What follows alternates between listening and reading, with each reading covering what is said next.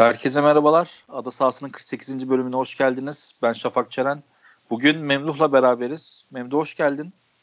Hoş bulduk Şafak. Kadromuz sürekli değişiyor. Ee, bu sefer de Mustafa yok. Ben sabit kalıyorum. Etrafımdakiler sürekli değişiyor gibi bir durum var. Mustafa'yı hastalığa kaybettik ama neyse ki sen bizdesin bu haftada. Ee, nasıl geçti hafta sonu? Maçları izleyebildin mi? Yani izlemişsiniz tabii de böyle doya doya severek izlediğin maç var mıydı onu sorayım. Ya maçlar maç olsun yeter bize ya. Çok şey yapmıyoruz artık. Ötesini aramıyoruz. Ya maçlar güzeldi, keyifliydi. Özellikle Liverpool United maçı vardı. O, o keyifliydi benim için özellikle. Yani hem Aynen. maçın ismi büyük hem işte maç içindeki olaylar vesaire işte yani Liverpool yine kazandı. Yine bu hafta da kazandı Liverpool. Onu tartışıyorduk zaten hafta sonu grupta. Fırat dedik çok zevksiz vesaire. Yani hem hem o var ama başka eğlenceler arıyoruz biz de işte. Hem grupta da konuştuğumuz mesele e, işte Liverpool ne zaman yenecek? Liverpool Mart'ta şampiyon olur mu? İşte ikinci kim olacak? City e, kovalamaya devam edecekti ama bu hafta yine yara aldı. İşte Leicester bu hafta yine 3 puan kaybetti. Böyle eğlencelerle ligi takip ediyoruz. Aynen kimsenin kovalayacak mecali yok gibi ama herhalde şu anda hani City'nin kırdığı rekorlara hani barem olarak onu belirlediler herhalde hani puan olsun 100 gerçi golü çok kasmıyorlar ama hani 100 golü bulamazlar gibi geliyor. Ama en azından o 100 puanı o City'nin puan rekorunu kırmayı deneyecekler gibi geliyor bana. Ee, yani orada Fırat biraz böyle şey hani Liverpool'da çok haz etmediğinden dolayı muhtemelen hani lig bitti heyecan bitti gibi modunda da yani kendi içerisinde bir sürü e, takip etmeyi böyle merakla takip ettirecek bir sürü bilinmeyen var orada da Liverpool penceresinden baktığımız zaman. Ama genel olarak haftaya baktım, baktığımızda ve oynanan futbola baktığımızda açıkçası ben biraz ufak bir hayal kırıklığına uğradım. Özellikle Arsenal, Chelsea ve Tottenham maçlarında yani e, futbol olarak açıkçası çok böyle beklediğimi bulamadım diyebilirim. Ki hani muhtemelen dinleyicilerimiz de maçları izledilerse çok böyle hani dolu dolu mesela bir Arsenal Sheffield maçı isim olarak mesela bana daha çok şey vaat ediyordu, vaat ediyordu. Arteta'dan sonra taktik savaşları için olsun. Newcastle Chelsea maçı keza öyle. Ee, Tottenham Watford maçı Watford yükselişte Tottenham'ın bir şeyler yapması lazım falan filan derken e, futbol olarak ufak bir hayal uğradım diyebilirim haftayla ilgili ama Liverpool Manchester United maçı özellikle hani gözlerimizin pasını sildi diyebiliriz. Manchester City Crystal Palace maçıyla beraber ki orada da Cenk'in açılış golünü atması ayrıca bir keyif oldu. Hepsine ufak ufak derin derin giriyor olacağız. İstiyorsan geçen haftadan sözümüz var. Leicester geçen hafta hiç konuşamamıştık. Southampton'a sahasında 2-1 kaybetmişlerdi. Onlarla başlayalım. Ee, bu hafta da Burnley deplasmanda aynı skorla kaybettiler. Öne geçip koruyamadılar. Bir de penaltı kaçırdı Wardy. İlginç bir şekilde. Son 20 penaltının 17'sini gole çevirmişti. 21. penaltıyı kaçırdı. Ondan sonra da maç sonu ve Burnley 2-1 kazandı. Sana şunu sorayım şimdi. Skor olarak büyük bir düşüş, bir form düşüklüğünden bahsedebiliriz. Ama Brandon Rodgers şey diyor. Ben takımla oynadığım oyundan memnunum. Galibiyeti kazanacak futbolu oynadık. Sadece özgüvenimizde bir eksiklik var. Onu tamamladığımız zaman biz her şeyi doğru yapıyoruz. Yine kazanmaya başlayacağız diyor. Şöyle söyleyeyim sen bu değerlendirmeye katılıyor musun? Mesela Burnley maçını gerçekten kazanmayı hak ettiler mi sence? Hı hı. Ve e, bu düşüşü Brandon Rodgers düşüş olduğunu kabul etmiyor ama skorlardaki bu düşüşü Endedi'nin yokluğuna ne kadar bağlayabiliriz? Öyle pas atayım sana. Aslında bir noktada haklı Rodgers çünkü maç 1-1 giderken kaçırdı Ward'ı penaltıyı. Orada atsa işler farklı olabilirdi. Ki Ward'ı de atar, atar yani genel olarak hani Manchester United'ın bu sene yaşadığı olaylardan sonra e, klasik bir penaltı kaçıran takım değil. Ward'ı de öyle bir adam değil zaten ama e, kaçırdı. Sonra da evet genel olarak bir form düşüklüğü var takımda. Bir, birkaç maçta o da değişik e, formasyonu değiştirmişti bir maçlar bazı maçlarda. Aynen 4-1-2-1-2'ye dönmüştü Inhaço ile beraber. Iheanacho'nun formundan dolayı işte ikili forvete çevirmeye çalışmış takımı ama yani şu an için Leicester evet bir düşüş yaşıyor ama ben hala bu ilk üç için, içinde kalacağını düşünüyorum. Arkadan da çok büyük bir zorlama gelmiyor. Yani bu şekilde e, devam edeceklerdir. E, Endidi çok önemli bir oyuncu. Bence hem bütün o hücumcuların arasında yani bekler bekleri de katarsak işte hem Pereira'nın hem Chilwell'in ne kadar hücumcu olduğunu biliyoruz. Orada bence en önemli adam onların o kadar hücum edebilmesinin en önemli sebebi Endiri'ydi. Onun olmaması illaki etkiliyor takımı. Ee, Burnley'de ters bir takım neticede. Yani iç sahada herkesi yenebilir. O açıdan Leicester için hem Endiri'nin eksikliği hem Burnley gibi bir ters bir takıma denk gelmek hem de penaltı kaçırınca yenilmesi. Her şey üst üste bindi diyorsun. Aynen her şey üst üste geliyor şimdi. Ya şimdi ben şöyle bakacağım aslında. Şimdi mesela ilk gol e, Harry Barnes'ın attığı gol o Burnley'nin yıl boyunca yediği klasik gol. Geçiş oyununda sürekli gol yiyor bu alanda. Zaten Chelsea'den sağlarında 4 yedikleri zaman hani bu şekilde bir nevi madara olmuşlar. Çünkü yedikleri evet. her gol geçiş oyununda gelmişti. Liverpool keza çıkarken Bentley kaybetmişti. Firmino aldı. Ondan sonra maç çok rahat bir hale gelmişti Mane'nin attığı golde. Sürekli bu golü yiyorlar. E Leicester'da geçiş hücumunu çok iyi yapabilen takımlardan biri. Açıkçası ilk yarıda 1-0 bu şekilde öne geçtikten sonra ha ben daha rahat bir maç bekliyordum. E, ha keza yani gol pozisyonu çok rahat buldular. Tabii yani şöyle e, penaltı da var. Hani gol beklenti listesine baktım bu maçta mesela. Leicester'ın 2-0 yedi, Burnley'nin 1-20. Ama bu 2-0-7 olmasında penaltı olmasının çok büyük bir payı var. Çünkü yanlış bilmiyorsam penaltının 0-8, 0-7, 0-8 civarında başlı başına bir etkisi var. Hani o penaltı çıkarttığın zaman aslında maç dengede gibi duruyor. Gol pozisyonları vesaire tehlike yaratma açısından. O özellikle yani 1-1 olduktan sonra klasik bir Burnley Burnley klasik golünü yedi geçiş oyununda ve klasik golünü attı kornerde. Gene kalenin içerisinde yığıldılar bir şekilde. Kaleci hareket imkanı alanı vermediler. Schmeichel yine parmaklarının ucunda kurtardı ilk pozisyonu ama o kadar çok adam altı pasın içindeydi ki bir şekilde topu kaleye soktular. Ondan sonra dediğin gibi kritik nokta penaltı oldu ama ben Brandon Rodgers'a şundan katılmıyorum. Dediğin gibi penaltıyı atsalar belki 2-1 maçı kazanacaklar ama oyun olarak Leicester'da çok büyük bir geriye gidiş var. E, tempo olarak özellikle. Bence tempoları çok düştü. Fiziksel bir hani yorgunluk demeyeyim ama o eski dirilik yok. Yani ligin ilk yarısında o sonuna gelmeden önceki o bir 15-16 maçlık dönemde o adam yiyen diriliği yok. Bunda da en büyük eksiklik bence de hani sen katılıyorum Endi'nin eksikliği mutlaka hissediliyor. Hücumda da hissediliyor. Dediğin gibi savunmada da şöyle bir şey var. Leicester'ın yediği o son dakika yediği ikinci gole bakın. Şeyin ikamesi olan, Endi'nin ikamesi olan Mendy nerede duruyor? Ceza sahası içerisinde rakibin orta sahası topa vururken Mendy ondan uzakta ve ceza sahası içerisinde daha yeni giriyor topa vurduğu anda. Yani orayı da toparlayamadılar. Çünkü Andy hem savunma önünü toparlıyordu. Çağlar'la Evans'a çok büyük kolaylık sağlıyordu. Çünkü ilk gelen set önce onu aşabilirse onlarla karşılaşıyordu. Ki Andy'den aşan adam da öyle çok elini kolunu sallayarak giremiyordu. Yani onu geçse bile savunmaya bir toparlanma imkanı veriyordu. Oradaki geçirgenlik artık çok canını sıkıyor e, Leicester'ın ve her maç ikişer ikişer gol yiyorlar. O yüzden Andy'nin eksikliği savunmada olduğu, şey, hücumda olduğu kadar savunmada da çok büyük etki yaratıyor. Ha, Brandon Rodgers bundan nasıl çıkar? Açıkçası bu denklemden bilmiyorum. Çünkü mesela şeyden de kadrodan da çok memnun değil bu aralar. Şeye de gitti hı hı. yavaş yavaş. Rotasyona da gitti. Tillemans sakatlık dönüşü ona hemen monte etmeli. Pire gerçi iyi performans veriyor ama yani bir şeylerin değişmesi lazım bence bu noktada diziliş mi olur oyuncu mevkisi mi olur ne olur bilmiyorum ama hani işler bence Rodgers'ın dediği kadar da yolunda değil gibi geliyor bana. Bilmiyorum katılır mısın? Aslında bu hafta yoğun fikstüre de girecekler şimdi. Bu hafta içi oynayacaklar. Ondan sonra hafta sonu tekrar oynayacaklar. O, o esnadaki e, gösterecekleri performansa bağlı olarak bunu tekrar konuşabiliriz. Biraz daha gözlemleyelim şey Leicester'ı bence. Öyle diyeyim. Aynen bu haftayı bir bakalım nasıl geçirecekler diyorsun. Aynen.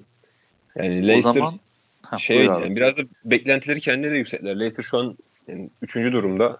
Sezon başında deselerdi, deseylerdi yani şu anda Leicester üçüncü olacak diye. Herkes hemen evet. derdi yani. Var yani. Ya da inanmazdık yani. Olmaz falan derdi yani bu sezonun başında. Böyle. Abi Bakalım, şurada ben... şöyle bir ekleme yapayım sana. Bu hı hı. hani ben biraz bu gol beklentisi, puan beklentisi istatistiklerine biraz taktığım için. Hı. Leicester'ın şu anda normalde puan beklentisinden 8 puan fazla almış durumda. Leicester hani atılan gol, yenilen gol istatistiğindeki hani istatistik birebir gerçek olsaydı ki hiçbir zaman gerçek olmaz tabii ki bu. Hani bunu bilerek söylüyorum ama birebir hani bu beklentiler üzerinden gol beklentisi üzerinden gitse ve diğer beklentiler üzerinden Chelsea'nin şey Leicester'ın şu an 37 puan olması lazımdı ki o da hani 5.liğe denk geliyor şu anda ki bu kötü bir şey değil ama e, biraz gerçekliğe dönüyor gibi Leicester dediğin gibi kendileri beklentiyi arttırdı. Biraz futbol şansı da yanlarındaydı. E, sanki biraz işler normal olağan akışına e, dönüyor gibi. Son olarak şunu sorayım sana. Bu normal akış Şampiyonlar Ligi potasından düşmelerini sağlar mı? Yoksa aşağıdan gelen takımların çok tehdit etmemesinden dolayı bir şekilde ilk 3, ilk 4'te bitirirler mi ligi sence? Ya ben şey yapamaz. Leicester biraz daha düşüş gösterse bile arkadan gelenlerin de formunun çok yüksek olmamasıyla ilk dörtte bu seneyi bitireceklerini düşünüyorum ki şey olmazsa yani çok büyük bir krize girmezlerse böyle 5 maçı 6 maçı arka arkaya kaybederler. Öyle bir durum olmazsa yani onun dışında yani normal iç sahada bile kazansalar herhalde şu an geri kalan maçları iç sahadakileri kazansalar yine o potanın içinde kalırlar bence. Tabii United aralarında 11 puan fark var şu an 5. United aralarında. 11 puan fark var 45-34. Yani en az bir 4 maçlık rahatlıkları var ki bu 4 maçı da alttan gelenlerin sürekli kazanacağını varsayarak konuşuyoruz. Ee, ki onların da hiç öyle bir hali yok. Onları detaylı konuşacağız şimdi ama e, bir şekilde ilk dörtte direnirler diyorsun. Yani Şampiyonlar Ligi'nde seni Leicester'ı görürüz herhalde. Öyle gözüküyor. Arkadan gelenlerin şeyleri yok yani çok. Halleri yok. Manchester United da çok güvenilir peşinde geliyor kesin o kendini oraya içeri atar diyemiyorum yani Manchester United içinde. O yüzden Leicester çok büyük bir kriz yaşamazsa bence Şampiyonlar Ligi'ne katılacak şampiyonluktan sonra ikinci kez. O zaman ekleyeceğim başka bir şey yoksa menümüzün asıl yemeği geçen hafta sözümüzü tuttuk. Leicester'la başladık ama asıl haftanın maçı Liverpool United'a geçelim. geçelim. Biraz daha uzun ve detaylı konuşacağımız maça. Ee, maçtan önce sana şunu sorayım ben. Ee, bu takım yenilecek mi? Hatta bir noktadan sonra artık şeye geçelim. Berabere kalacak mı? Çünkü en son United'da beraber kalmışlardı. Sağlarında onları da kayıpsız geçtiler. Bir gözün önüne şu an ligdeki takımları da getirdiğinde hani Liverpool hangi maçta puan kaybedebilir gibi geliyor sana? City e, deplasmanına geçiyorum. Ya aslında ben Liverpool'un maçlarına bakmış. Ben bunun için biraz bakmışım daha önceden de şey için hani ben acaba ne olacak, nereye kadar gidecek falan diye. Benim için Liverpool'un gördüğüm en sıkıntılı süreci Liverpool bitirdi aslında şu an. Yani, Değil mi? Herkesin puan kaybı beklediği kısım. O deplasmanda Leicester yendi, içeride Wolves yendi, içeride Sheffield yendi, deplasmanda Tottenham yendi, içeride United yendi. Şimdi tekrar daha ne yapsınlar? West Ham maçları var. E, sonra bakıyorsun Southampton, Norwich, West Ham, Watford, Bournemouth, Everton. Everton'ı yedeklerle yeniyorlar zaten artık. Hani derbi maç ama. ama o Ancelotti öncesiydi onu da söyleyelim. Yani işte ondan sonra bir Palace maçı var. Sonra işte en büyük maç City maçı var. E, City maçına kadar bence şampiyonluğu ilan da edebilirler. Ben onu da düşünüyorum. Biraz öyle de bir challenge'a da girebilir belki Liverpool. Oo. İddialı açıklamalar Memduh Can Yalçın'dan. Çünkü Liverpool kazanıyor abi. Benlik bir şey yok. Liverpool kazanıyor yani. O zaman bu maçın özeline girelim istiyorsan. Girelim. Ee, Solskjaer bir yani sürpriz demeyeyim ama farklı bir dizilişte üçlü savunmayla başladı. Hı hı. Üçlü savunmanın sağ tarafında Lindelöf, ortada Maguire, solda da Luke Shaw oynattı. Normalde Beckham'a stoperde de oynayabiliyor üçlü savunmada bildiğin üzere. Sağ hı hı. öne Bisakka'ya attı kanat oyuncusu olarak. Sola da Brandon Williams'a attı. Böyle bir beşli hat kurdu diyebiliriz. Evet. Önlerinde de Nemanja Matic. E, Fred de ona yardımcı olacak şekilde. Altılı yedili bir hat hatta. Evet.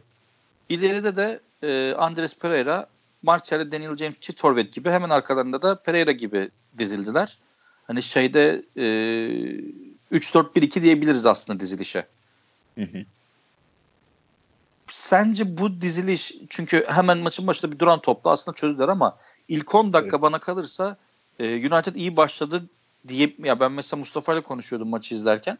Hı hı. Hani maç ne olur diye sorduğunda ilk 10 dakika bittiğinde ben United iyi başladı dedim. 3 dakika sonra zaten kornerden gol geldi. Sen maç başlangıç planı olarak United'ın bu dizilişin ve başlangıcını ve gole olan kadar süreyi değerlendirdiğin zaman Solskjaer'in planı ilk etapta tuttu der misin? Hani yoksa yani bu dizilişte tüm takımlar neredeyse çıkıyor Liverpool'a ve Liverpool artık bunları açmakta hani içgüdüsel olarak davranarak da bu savunmayı kal- kalabalık savunmayı açabiliyorlar.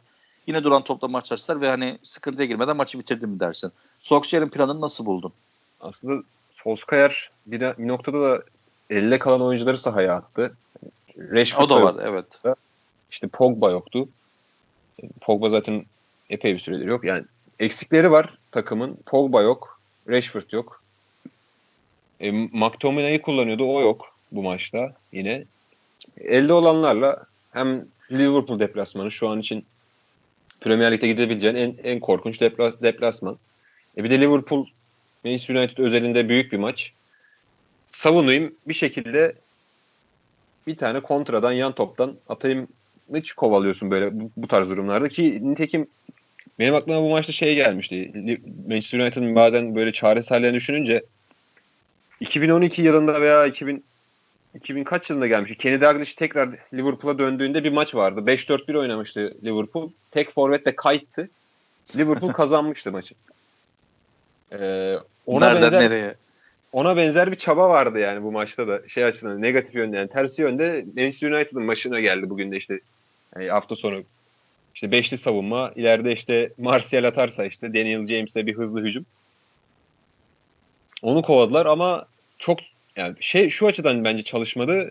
Çok erken yediler golü. Hani ilk 10. 10. dakikada 12. dakikada bir de yan toptan o golü yemeleri o, o, o golde de şey söylemek istiyorum. Yani Lindelöf'ün sen de fark etmişsindir yani Lindelöf'ün topa çıkmayışı hiçbir şekilde iyi alışta savun- gelmiş hali. Aktivitesi göstermemesi. Yani Maguire da çıkamadı ama Maguire biraz daha blokladılar orada yani. Joe Gomez Maguire Aynen o gene bir kendini atmaya çalıştı Maguire topun önüne ama Lindelöf bayağı Lindelöf seyretti sadece yani. Yani yerden bile yükselmedi yani şey için yalandan bile olsa. Zıplar gibi yapmadı olunca, yani. Öyle olunca da işte yani ilk yarı zaten çok bir şey üretemedi. Liverpool Manchester United sadece ilk yarının sonunda birkaç pozisyona girebildiler. Bir tane Pereira çok net bir e, önünden Aynen. geçti dokunamadı. İkinci yarıya zaten Liverpool inanılmaz başladı. Maçın orada farka gitmemesi ilginç. Şanslıydı yani Manchester United adına şans oldu. Sonunda da son saniyelerde de Salah maçı bitirdi yani. Son son zaten golden sonra maç bitti. Santrası bile olmadı galiba. Aynen. Tamam. Ona ayrıca geleceğiz zaten. Adison, Salah bu e, Pepe Reyna'nın zamanında yaptığı asist ve koşuya ayrıca geleceğiz. Adison'u da ayrıca konuşacağız. E, United penceresinden başladık dizilişten. Bir de Liverpool penceresinden bakalım istersen. Hı hı. E, yani Ox'un oynaması haricinde herhalde farklı diyebileceğimiz hiçbir şey yok. Hatta son birkaç haftadır böyle çıkıyorlardı maçlarda. Aynen. Fabinho, Fabinho iyileşmesine rağmen sonradan girdi oyuna. Henderson'la başladı. Ve Henderson e, maçın adamı seçildi ki bence maçın adamı Wijnaldum'du bu arada. Bence inanılmaz bir top oynadı. Oyunu iki yönlü gerçekten ya orta sahada çok güzel direnç koydu. Kazandığı toplarda yani United orta sahasında bazen dalga geçtiği anlar oldu. Özellikle ikinci yarıda hani makara yaptı yani bayağı bildiğin. Hani şeyde Jordan Anderson seçildi ama ki o da muhteşem oynadı. Ama bana yani kalırsa maçın adı Wijnaldum'du. falan vardı. Yani çok iyiler. Takım hala çok iyilerdi. O e, Wijnaldum'un sağından atıp bu bir çalım atıp sonra gidip ara pas attığı pozisyonlar falan. Bacak arasından adam eksiltip geçtiği şeyler çok güzeldi bence. Ee, bu dizilişte sana şunu söyleyeyim. Bu arada Fabinho sakatlıktan döndü. 83'te oyuna girdi. Çok konuşulan bir şey var. Senin de fikrini merak ediyorum açıkçası. Şimdi Henderson, Fabinho ilk sakatlandığı zaman Fabinho inanılmaz bir forma ulaşmıştı. Gerçekten. Öyle. Ee, yani Liverpool'u saha içerisinde yöneten komutandı. Takım boyunu sürekli kısa tutmasını sağlayan hem savunmada hem hücumda bir nevi arkadaki beyin gibi oynuyordu. Sakatlandı 6 hafta yok dedik. Acaba düşüş olur mu Henderson ne kadar tamamlar orayı derken yani birebir Fabinho muadili değil ama Henderson da oyununa çok yön katarak gerçekten inanılmaz bir seviyeye çıktı bu 6 haftada. Ben Henderson'ı izlerken bu maçta şey dedim ya sanki İngiliz değil de böyle Lamazya'da yetişmiş gibi oynuyor ya. Adam oyun inanılmaz dönüştürdü oyununu ya. Bu adam klasik İngiliz, hızlı, işte iki ceza sahası arasında fizikli, yapılı. Fizikli bir adamdı. Ama Klopp'la beraber bir de yaşı da vardı yani artık yaşı da artık ilerlemiş takımın tecrübeli bir oyuncusu. Ona rağmen yani genç yaşta biraz daha erken dönemde Klopp'la tanışsaydı Henderson daha farklı çok inanılmaz bir oyuncu olabilirdi herhalde. Yani şu anda çok iyi ama. Üst düzey pas vermeyi öğrendi resmen ya. Ya ayak içi Henderson'ın şutları ayak içi falan her zaman düzgündü ama pas yeteneği bu kadar yani göze batmıyordu. Şu anda gerçekten hani çoğu şeyde e, Liverpool'un maçında maçın adamı seçiliyor zaten. Bu da tesadüf değil yani hani gösterdiği evet. performans. E, de, söyle abi. Farklı pozisyonlarda da kullandı bu sene Klopp. Yani sağ içte, sol içte, savunma önünün her her pozisyonda kullandığı her pozisyonda da verim aldı Klopp ondan. Abi bu United maçı üzerinde konuşursak ben çok koşan oyuncu 11.5 kilometre koşmuş. Ee, bir topu direkten döndü sen de bahsettin. Bir tane e, pozisyon yarattı. 5 defa topu kazandı. Hava toplarının 11 hava topunun 9'unu kazandı. 8 defa rakiple mücadelede top çaldı. 60 defa topla buluştu. Yani bir orta savunucusu daha ne yapar? Daha bundan fazlasını yapamaz gerçekten. Ama herkesin konuştuğu kritik soru şu. Fabinho'nun çıktığı seviyeyi de gördük. Şu an Henderson'ın çıktığı seviyeyi de gördük. Atıyorum haftaya şimdi bu hafta iki maç oynayacak Liverpool. Ertelenen bu Dünya Kulüpler Şampiyonası'na Katar'a gittiğinden dolayı ertelenen maçından dolayı ama bu yoğunluk geçti diyelim ve tekrar e, normal standart ilk 11'e çıkmaya başladı. Sence Henderson'la başlamaya devam mı etmeli? Henderson formu düşene kadar yoksa Fabinho geldi ve artık Fabinho'ya emanet etmesi mi lazım bu süreci başarıyla geçtikten sonra? Bence bu konularda Klopp'un kafası çok net ya. Hani oyuncu %100 hazır olana kadar, o takımın parçası olana kadar orada kullandığı oyuncudan vazgeçmiyor. Yani bu Fabinho'nun ilk geldiği dönemde de biz bunu konuşmuştuk. Fabinho niye takımda yok? Fabinho niye oynamıyor gibisinden. Ya da daha başka sakatlık yaşayan sakatlıktan dönen mesela Joe Gomez'de de bunu konuşmuştuk. Yüzde yüz hazır olmadan o takımın işleyişine tamamıyla yüzde yüz performansı verinceye kadar bekleyecektir bence. Bek, e, eğer eşit pozisyon, eğer e, ikisi de yüzde yüzde ise o noktada ben yine Fabinho'ya dönebileceğini düşünüyorum. Çünkü daha Değil mi? Bir burun farkıyla. Fabinho hem şey olarak yani yer olarak mevki olarak asıl mevkisi olması özelliğiyle bir de o yükseldiği performansa düşünürsek ben tekrar Fabinho'yu oraya çekeceğini düşünüyorum. Ama %100'ünü yakalayana kadar bekleyecektir. Bu da kaç hafta sürer yani iki hafta daha mı bekler mesela üç hafta sonra mı atar? O onu bilmiyorum ama ona emin değilim yani. Herhalde bu bu hafta içerisindeki bu çarşamba cuma ya çarşamba hafta sonu maçlarından birinde herhalde Fabinho birinde Henderson başlar diye tahmin ediyorum ben ama e, herhalde o Fabinho'nun başladığı maçtaki performansına göre bir sonraki hafta kimle başlayacağına karar verecektir gibi geliyor. Golü hatırlayalım istiyorsan. Klasik bir duran top. Trent'in ortası e, Van Dijk'ın golü. Bu arada ben golü izlerken yani hep gördüğümüz için belki biraz artık bize e, alıştık buna belki ama ya Van Dijk'ın anlamsız bir fiziği var ya. Gol şeyinde hani bir önde Firmino'nun arkasında hani Firmino'yu maskeleme olarak yapıp serbest yükseliyor Hı. topa. Bayağı Firmino çocuğu gibi falan duruyordu yani hani maçı izleyenler bilmiyorum dikkatlerini çektim ama korner atılırken bir ceza sahası içini gösterirken işte Van Dijk önde Firmino önünde galiba Gomez vardı tam hatırlamıyorum ama onlar ona bir maskeleme yapıyordu işte. Ya Firmino okula götürdüğü çocuğu gibi duruyordu önünde. İnanılmaz bir fizik. Bu fiziğe rağmen inanılmaz bir atletizm, hız, yetenek, yükselme her şey var yani. Çıkıp, e, Trent'in çıkıp ortasında vuran oyuncular da var mesela. Ama kafayı da çok iyi vuruyor Van Dijk. Aynen. Aynen öyle. Yani yerden havadan her şeyden muhteşem.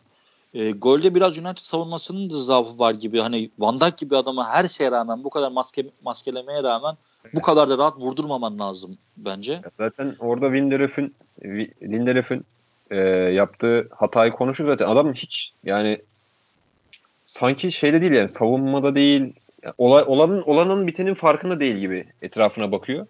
Yalandan en da zıplamadı. O benim enteresan. Yani en azından bir çıktı. Belki top ona çarpacak ya da ne bileyim Van Dijk'ın dengesini bozacak. De, koordinasyonunu bozacak ama o bile olmadı. Tek başına Maguire'ı da orada çok güzel durdurdular bence. Biraz Amerikan futbolu var yani. Hani blokçuları Aynen. Blokçular engelliyor ki koşucun şey yapabilsin falan işte. Ama yani o golü de yememeliydi bence. United böyle, böyle bir golle geriye düşmemeliydi bence. Yani en azından ya şimdi yan topla geriye düşme. Orada Matic var, Maguire var, Lindelöf var. İşte Van Bissaka da ufak tefek bir adam değil. Heh, tam onu söyleyecektim ben. Aynı yerden yakalamışız. Şimdi Liverpool bu golü herkese atıyor. Tamam amenna. Ama işte Lindelof, Maguire, Luke Shaw boyu kısa ama yapılı bir adam. Öyle çok kolay itebileceğim bir adam değil. Van Bissaka, Nemanja Matic. Yani hani savunmaya döndüğünde belki Martial onun da hani fiziği zayıf ama yüksek toplar için söylüyorum. 5 kesin Martial'i sayarsan hani sayan olur saymayan olur ona o yüzden eklemiyorum. 6 e, oyuncun var. Yüksek toplarda bunu engelleyebilecek. Ama ne Brighton maçını hatırla mesela Lewis Dunk'ı engelleyebildiler ne de bu maçta e, şeyi Van Dijk'ı engelleyebildiler. Yani bu artık herhalde biraz da Solskjaer'e yazar bence. Yani alan savunması yapıyorsun ki yapamıyorsun belli ki. Yani bu golleriyle ünlü mesela iki tane stoper de bir şekilde gelmiş sana golünü atmış oldu. Yani sence bu burada bu golün atılmasında United'ın diziliş eksikliğinde hatası var mı yoksa hani e, bireysel hata olarak şey söylememiz yeterli olur mu Lindelöf'ü? Ben biraz çünkü önceki maçları da düşünerek e, bu kanıya vardım. Bu alan savunmasını yapamıyorlar yani. E tabii şimdi burada hoca tabii ki yazar. Maçı, maçtan önce kimse adam adama vermediyse Maguire'da gidip ben tek başıma işte Van Dijk, Van Dijk alacağım dememesi de gerekir zaten. Ama hocanın burada en azından tamam yine mesela e, iki stoperi alan savunması için kullanabilir ama Matic'i bence kullanabilirdi burada birebir de. Matic de yani savunma yapmasını bilen kafa topu alabilecek bir adam. Yapılı bir adam. Van Dijk'ı tutabilecek güçte bir adam ki böyle bir maçta zaten çıkıyorsun gol yememen lazım. Orada gol gol yiyip geri düşüyorsun tekrar. Yani maçta. normalde belki hani alan savunması kullanıyor olabilirsin tamam ama dediğin gibi bu maça özel en azından bir adamı Van Dijk'a vermesi lazımdı bence de. E, vermeyince e, direkt sahasında golle karşılaştı.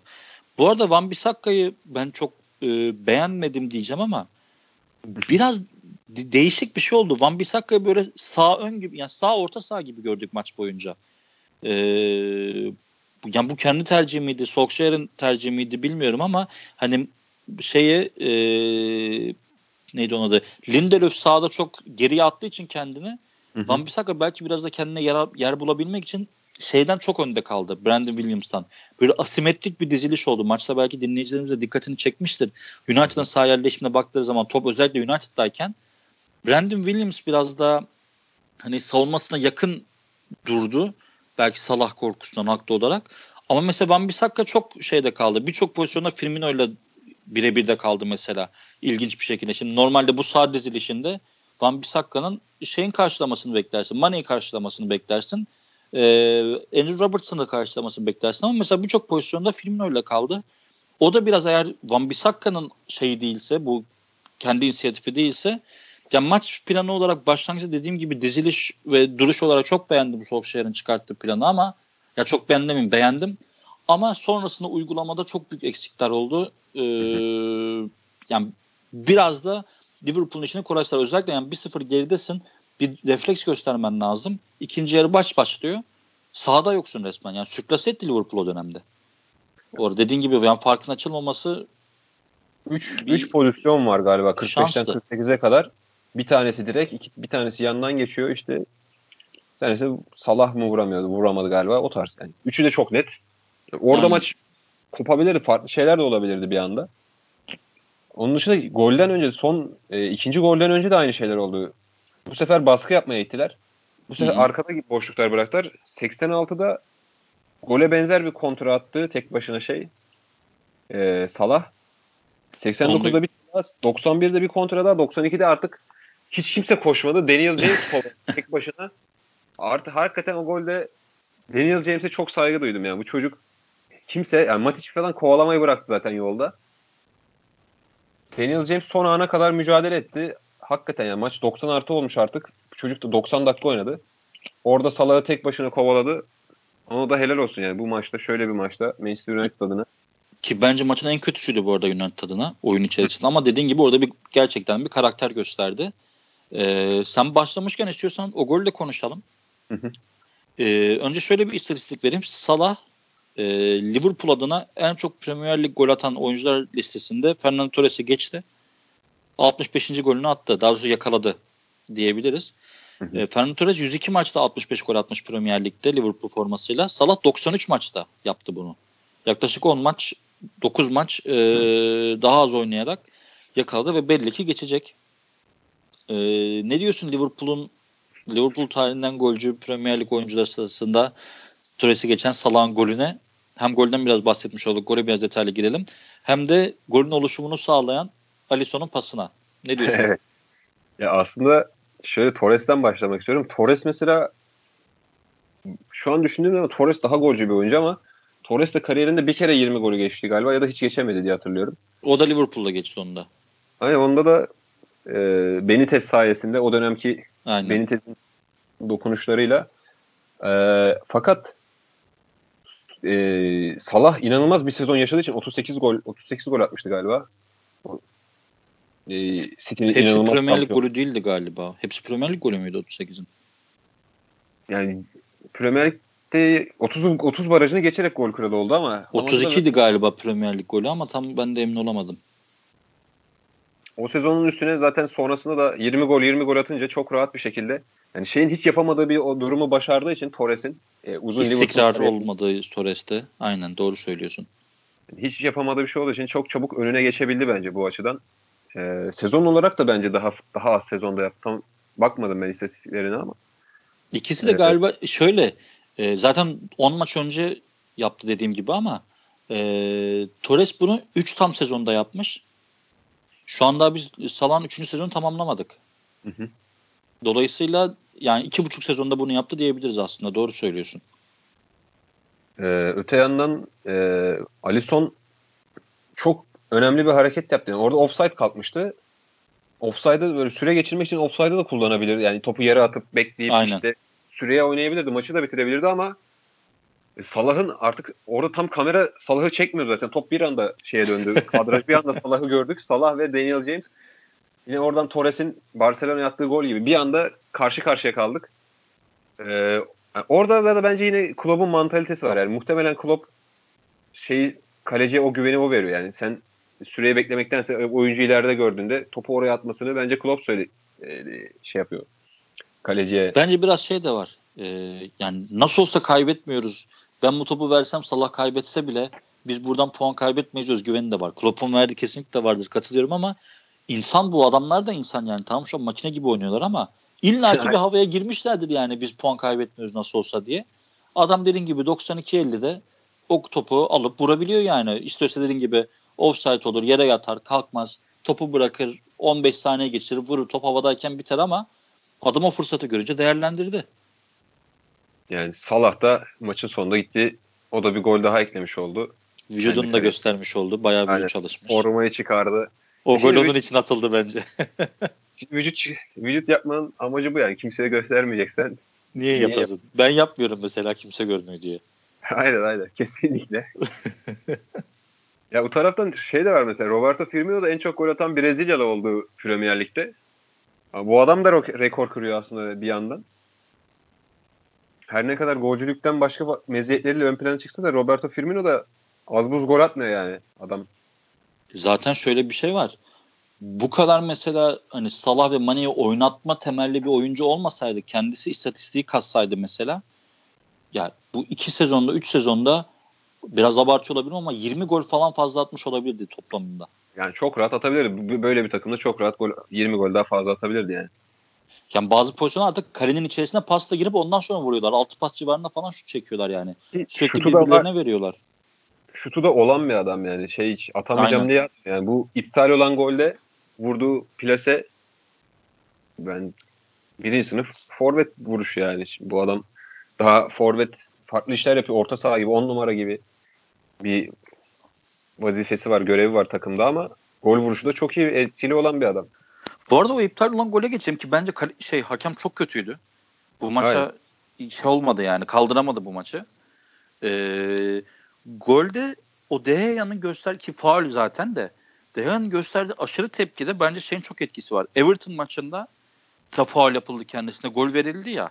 Herhalde Hı-hı. burada da var şimdi oyuncular da VAR'a güvenmiyor ki çok büyük protestolar vardı özellikle sit, şeyde e, City'liler e, Rest in Peace Football e, VAR is here diye böyle ellerine kağıt tutuşturulmuş ama evet. hani bir te- tepkiyle çıktılar. Yani oyuncular da güvenmiyor bence VAR'a ya buradan dönmezse diye düşünüp hakeme çok büyük tepki gösterdi haklı ya, olarak. Bir de DG gibi sakin bir adam bu kadar sinirlenmesi yani çok şeyde de böyle oluyor. Mustara da böyle oluyor bazen. Hani çok sakin bir adam ama bazı durumlarda patlıyor. PG'ye da adam çok sinirlendi. Deliye döndü yani orada. Hakemin üstüne yürü sarı kart gördü falan. İşte bu Everton maçının birikimi bence. Yani bence de ya, orada doğru. kendisine yapılan net faulle rağmen gol verildi ya. Burada da herhalde bu, bu salaklar böyle bir şey yapacak diye düşünüp bayağı kendini kaybetti adam ama dediğin gibi o golde de filmine çok garip vurdu. Çok çok güzel vurdu yani. Golle alakalı bir şey daha söyleyeyim. Lindelöf orada da topu uzaklaştıramadı. Dikkat edersen hani tamam yine oyun bir sürüncemede bir şey oluyor ama ya topa topa vurup uzaklaştıramadı bile. Dönüşünde gol yediler. Yani bir şekilde var olmasaydı veya hakem hayır işte gol deselerdi. Yani bu gol de Lindelöf, Lindelöf'e yazardı bence yine. Abi zaten şimdi bir bu maçlık bir Phil Jones deneyimi oldu. Hı hı. E, lafını kestim kusura bakma. Yok, bir maçlık bir Phil Jones deneyimi oldu. Şimdi Lin, benim mesela Premier Lig'de sürekli ilk 11 oynamayı nasıl başardığını anlayamadım. Bazı oyuncular var. Mesela David Luiz bunlardan bir tanesi. Bir tanesi de Lindelof mesela. Harry Ama var. abi ha, aynen Harry Winks var. Aynen an, yani bir türlü anlayamadığım oyuncular. Ee, ama şimdi düşünüyorum e, kimi oynatacak diye. Erik Bey'le iyileşti mi, iyileşmedi mi? Adam uyuşturucu kaçakçılığı mı yapıyor, futbolculuk mu yapıyor bilmiyoruz yani. Yok adam. Nerede olduğunu kimse bilmiyor. Phil Jones var ama yok. Smalling'i sen kadrondan yolladın apar topar. Adam Roma'da kendisini buldu tekrar. Şu kadroda Smalling oynayamaz mıydı? Yani pekala oynardı gibi duruyor. Yani hem kadro yapılanmasının yanlışlığı hem mevcut oyuncuların düşüklüğü herhalde mecbur ediyor yani bu adama. Bilmiyorum ben de anlamıyorum yani. Ta Mourinho döneminden beri bu Lindelöf zaten Mourinho'nun en patlayan transferlerinden bir tanesiydi. Tonla para saydılar bu adama. Hala bir şekilde oynayabiliyor. Nasıl başarıyor bilmiyorum. Ya aslında bu maç özelinde de yine şey yani Liverpool için Liverpool'un biraz daha böyle eskisi eskiden olduğu gibi agresif ama yeteneği de olan adamlara ihtiyacı var. Böyle Neville, Keane, Giggs gibi adamlara ne kadar ihtiyacı olduğunu bu maçta tekrar gösterdi yani. Hiçbir şey yapamadılar yani. Hiç reaksiyon veremediler. Aynen. İsyan yok. Bunlara isyan. Yani, Geçen hafta konuşmuştuk. Ya bunları da yani hakikaten Lindelöf'le falan verecek durumda değilsin yani. Zaten kimle vereceksin yani? Van Bissaka mı şey yapacak yani? Şey yapacak yani. Bir sert hareket yapıp bu, bu maçta zaten ona da gerek yok. Zaten burada bir sert hareket yapsan tribünler maça girecek. Daha reaksiyon görecek. Tabii. Aynen. Ama Liverpool yani United'ın bu maç özelinden olarak genel olarak da eksikleri bu maçta da ortaya çıkıyor yani. Artık ya bence mesela Daniel James'i iki forvetten biri olarak oynatarak çocuğu çok pasifize etti. Ne Hı-hı. alan bulabileceği. Ya Van Dijk'la Gomez'in kucağında Daniel James'i ya sadece böyle uzaktan bir baksam bu üçlüye Hı. dersin ki ben bir yerde yanlış yapıyorum dersin ya. Ya tamam üçlü beşli dizilişi anlıyorum. E orada Daniel James'e yer bulamıyorsan oynatma abi o zaman. Oynatacaksan da biraz vicdanlı ol. Gerçekten yani Trent'le mücadele etmesi ayrı Daniel James'in. İşte Joe Gomez'le Van Dijk'le mücadele etmesi ayrı. Ki edemedi de. Çok silikti yani maç Zaten boyunca. Öyle bir alışkanlığı yok. Genelde çizgiden gelip Aynen. geri girme alışkanlığı olan direkt e, stoperlerle boğuşması onu da bitirmiştir yani. Yani diyeceğim dediğin gibi zaten elinde az imkan var. Elindeki imkanları da kötü kullanan bir teknik direktör var. Ee, United'la ilgili sana şunu sorayım. Ee, Guardian'da bir haber çıktı e, bayağı uzun bir makale. Jonathan Wilson yazdı. Solskjaer'in Manchester United için doğru hoca olmadığını anlatıyor. Böyle kısa bir özet geçeyim ben okumayan dinleyicilerimiz varsa ya da senin içinde. Mourinho'nun hani çok kötü dediğimiz United mahvol dediğimiz ve Mourinho'nun kovulduğu dönemdeki istatistiklerini Solskjaer'in o prime yaptığı, sözleşmeyi kaptığı dönemdeki o 6-7 maçlık galibiyet serisini işin içine katarak da hesaplıyor bu e, kazanma galibiyet oranlarını ve Mourinho'nun en kötü döneminin altında ki zaten o sözleşmeden sonrayı baz alırsak iyice rezalet bir duruma geliyor Solskjaer'in. Hani sözleşmeyi kazana, kazanana kadar ki o interim hani caretaker dönemindeki istatistikleri dahil ettiğimiz halde bile Liverpool şey e, Mourinho'nun şeyinin altında, oranının altında. Ya sen ne diyorsun? Doğru hoca mı gerçekten Solskjaer bu genç kadroya diyeyim? Hani kendisi oradan dem vuruyor ya. Ben genç bir takım hazırladım. E, geçen de bunu söylemiştim geçenlerde. Şey diyor evet. genç bir takım kurdum ben. Bu takım artık kazanmaya kaybetmekten daha yakın diyor. O açıklamayı yaptıktan sonra yaptıkları 7 maçın 4'ünü kaybettiler yanlış hatırlamıyorsam. Sence Solskjaer doğru kişi mi? Yoksa Jonathan Wilson'a ve bana katılıyorsun ve Solskjaer'le olmayacak mı bu iş? Bence de ben de katılıyorum. Zaten Jonathan Wilson çok akıllı fikir, e, mantıklı bir adam. Ee, o diyorsa doğrudur diyorsun. O diyorsa doğru. Ya Jonathan Wilson hakikaten çok şey bir adam. Yani şu an için dünya futbolunda e, harbiden yazdığı yazar bence bütün dünyada zaten çok değerli bir kurumda. İşte Guardian gibi bir yerde yazıyor adam. Sokrates'te de bir yazısı yayınlanmıştı birkaç ay önce. Aynen. Değişen oyun gibi bir şeyle bu işte topa sahip olma oyununun işte uzun vadede işte nasıl ekart edileceği vesaire gibi o tarz şeyler vardı. Yani haklı. Bence şu açıdan haklı. Ben de şey düşünüyordum mesela Ferguson gittikten sonra United bir bocalama dönemi illaki yaşayacaktır. Yani 25 senedir bir insan Tabii. bir yeri yönetiyor ve bırakınca illaki bir sorun olacaktır ama Manchester United'ın bu sorunun bu kadar uzun vadeli olacağını e, Ferguson'dan sonra hiç şampiyonluk kazanamayacağını 7 sene boyunca düşünmemiştim. E, o noktada da iyi denemeler de yaptılar yani Van Gaal olsun, Mourinho olsun iyi denemeler yaptılar. Para da yatırdılar. Ama Çok olmadı. para yatırdılar. Bence United'ın biraz Liverpool'u örnek alması lazım. Yani bundan yani ya e, Brandon Rodgers'ın son dönemlerini ya da Brandon Rodgers öncesi dönemi düşünürsek Liverpool da benzer süreçleri yaşadı. Ki Liverpool'da 30 yıldır şampiyon olamayan bir takım. Manchester United şu anki durumda bence 30 yıl bekleyemez. Yani beklememeli yani. Liverpool United gibi bir durum takımın Liverpool'un yaşadığı faciaları yaşamadığını göz önüne alırsak bence güvenebilecekleri çok güvenebilecekleri Klopp tarzı bir hocaya gitmeleri lazım. Bu kim olur? Ben şey okudum. Pochettino'ya gitmişler. Hı hı. Daha doğrusu bir ağız aramışlar. Tabii bu yani sadece hani rumor nedeni dedikodu. Hı hı. Pochettino şey demiş. Sezon bitene kadar takım çalıştırmayacağım. Ama sezon bittikten sonra oturup masaya oturalım demiş tarih olarak. Ee, Allegri ile de dirsek temasındalarmış. Ama Pochettino ihtimali varken de direkt Allegri'ye gitmek istemiyorlarmış. Böyle bir durum var gibi As- konuşuluyor United şeyinde. Hazır bir takım olsa ellerinde atıyorum daha tecrübeli oyunculardan kurulu mesela City Guardiola'yı yollasa arkasından Allegri'yi getirmek daha mantıklı. Zaten iyi oyuncularla belki birkaç takviyeyle hemen sonuç alabilecek İtalyan bir hoca ama işte e, bu durumda United'ın transfere de ihtiyacı var, yapılanmaya da ihtiyacı var. Daha böyle kurucu, yani Klopp tarzı bir adama ihtiyaçları var bence. Pochettino sence o tarz bir adam mı yoksa yani tam uymuyor mu? Belli bir ölçüde yaptı Tottenham'da. Yani Tottenham gibi bir takımı Şampiyonlar Ligi'nde finale oynatmak kolay bir mesele değil. Transfersiz bir sezonda yaptı bunu da. Oyuncuların verimini yükseltme noktasında bence Pochettino daha iyi. Yani en azından şu an kağıt üstünde öyle duruyor ama United'ın da artık e, daha doğru transfer hamleleri yapması gerekiyor bence. Yani özellikle bir savunma sorununu çözmesi lazım artık. Tamam ileride ilerisini bir şekilde halledecekler artık. Yani Martial, Rashford işte Pogba'yı verip belki bir takasla başka bir oyuncu alırlar Real Madrid'den vesaireden ama savunma ve orta saha problemini çözmeleri lazım. Yani Matic'in daha iyisine ihtiyaçları var. Fred idare ediyor ama Matic'in Matic noktasında Matic'in oradan çıkıp yerine daha iyi bir oyuncuya ihtiyaçları var. Savunmada Maguire'ın yanına iyi bir oyuncuya ihtiyaçları var.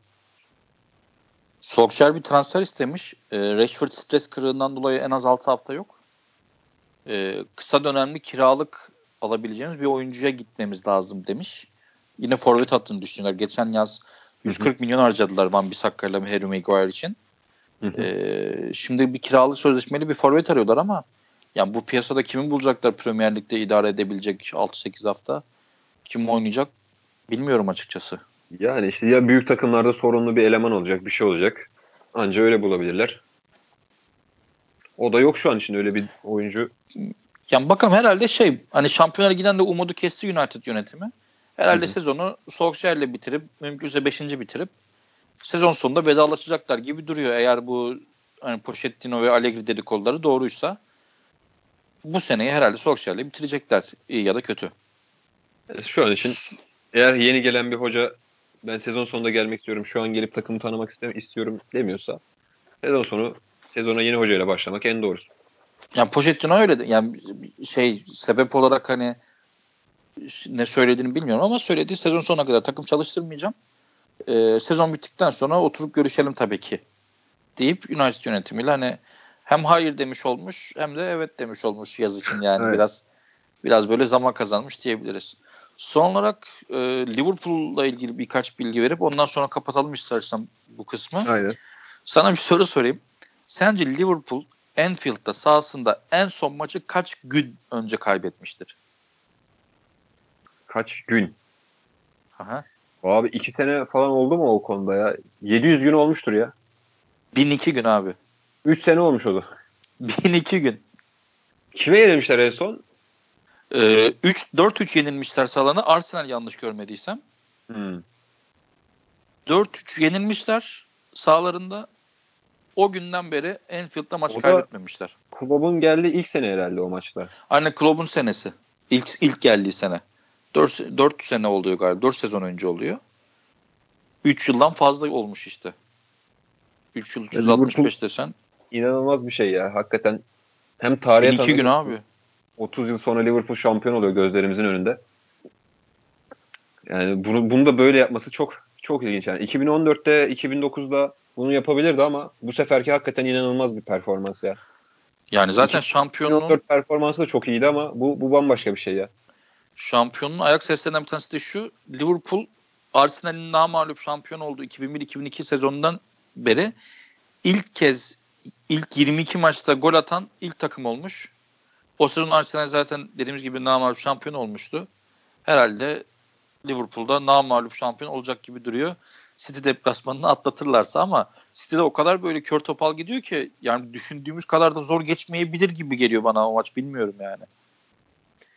Yine işte ufak maç içi gelişen olaylar belirecek. Tabii. O maçta. Ya onu bilemeyiz. Çünkü sonuçta şimdi Liverpool dediğimizde şöyle bir makine. Ee, son 31 Premier Lig maçında 30 galibiyet bir beraberlik. Geçen seneden de aldığın zaman. Yani mantıksız saçma bir seviye bu. O Etihad deplasmanından da çıkabilirler bir şekilde. Sonuçta Crystal Palace'ın çıktığı bir deplasmandan bahsediyoruz deyip maçı City Crystal Palace maçına geçirsin diyorum. Ekleyeceğim başka bir şey yoksa.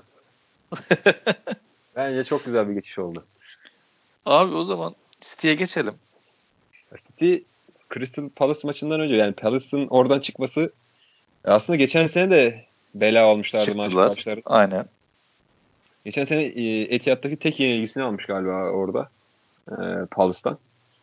Zaten ondan sonra mağlup olmadılar yanlış hatırlamıyorsam. Tabii tabii bir daha yenilmediler. Son mağlubiyet oydu evet. E, keyifli güzel bir maçtı. Hem bizim açımızdan da güzel. Cenk gol attı.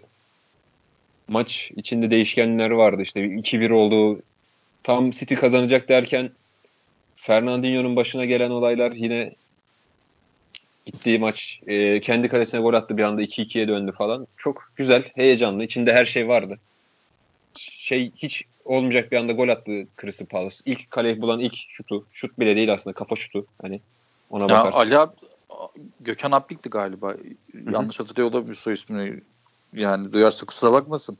Şey dedi ya zaten hani şu ana kadar Crystal Palace'ın kornerden hiç golü yok.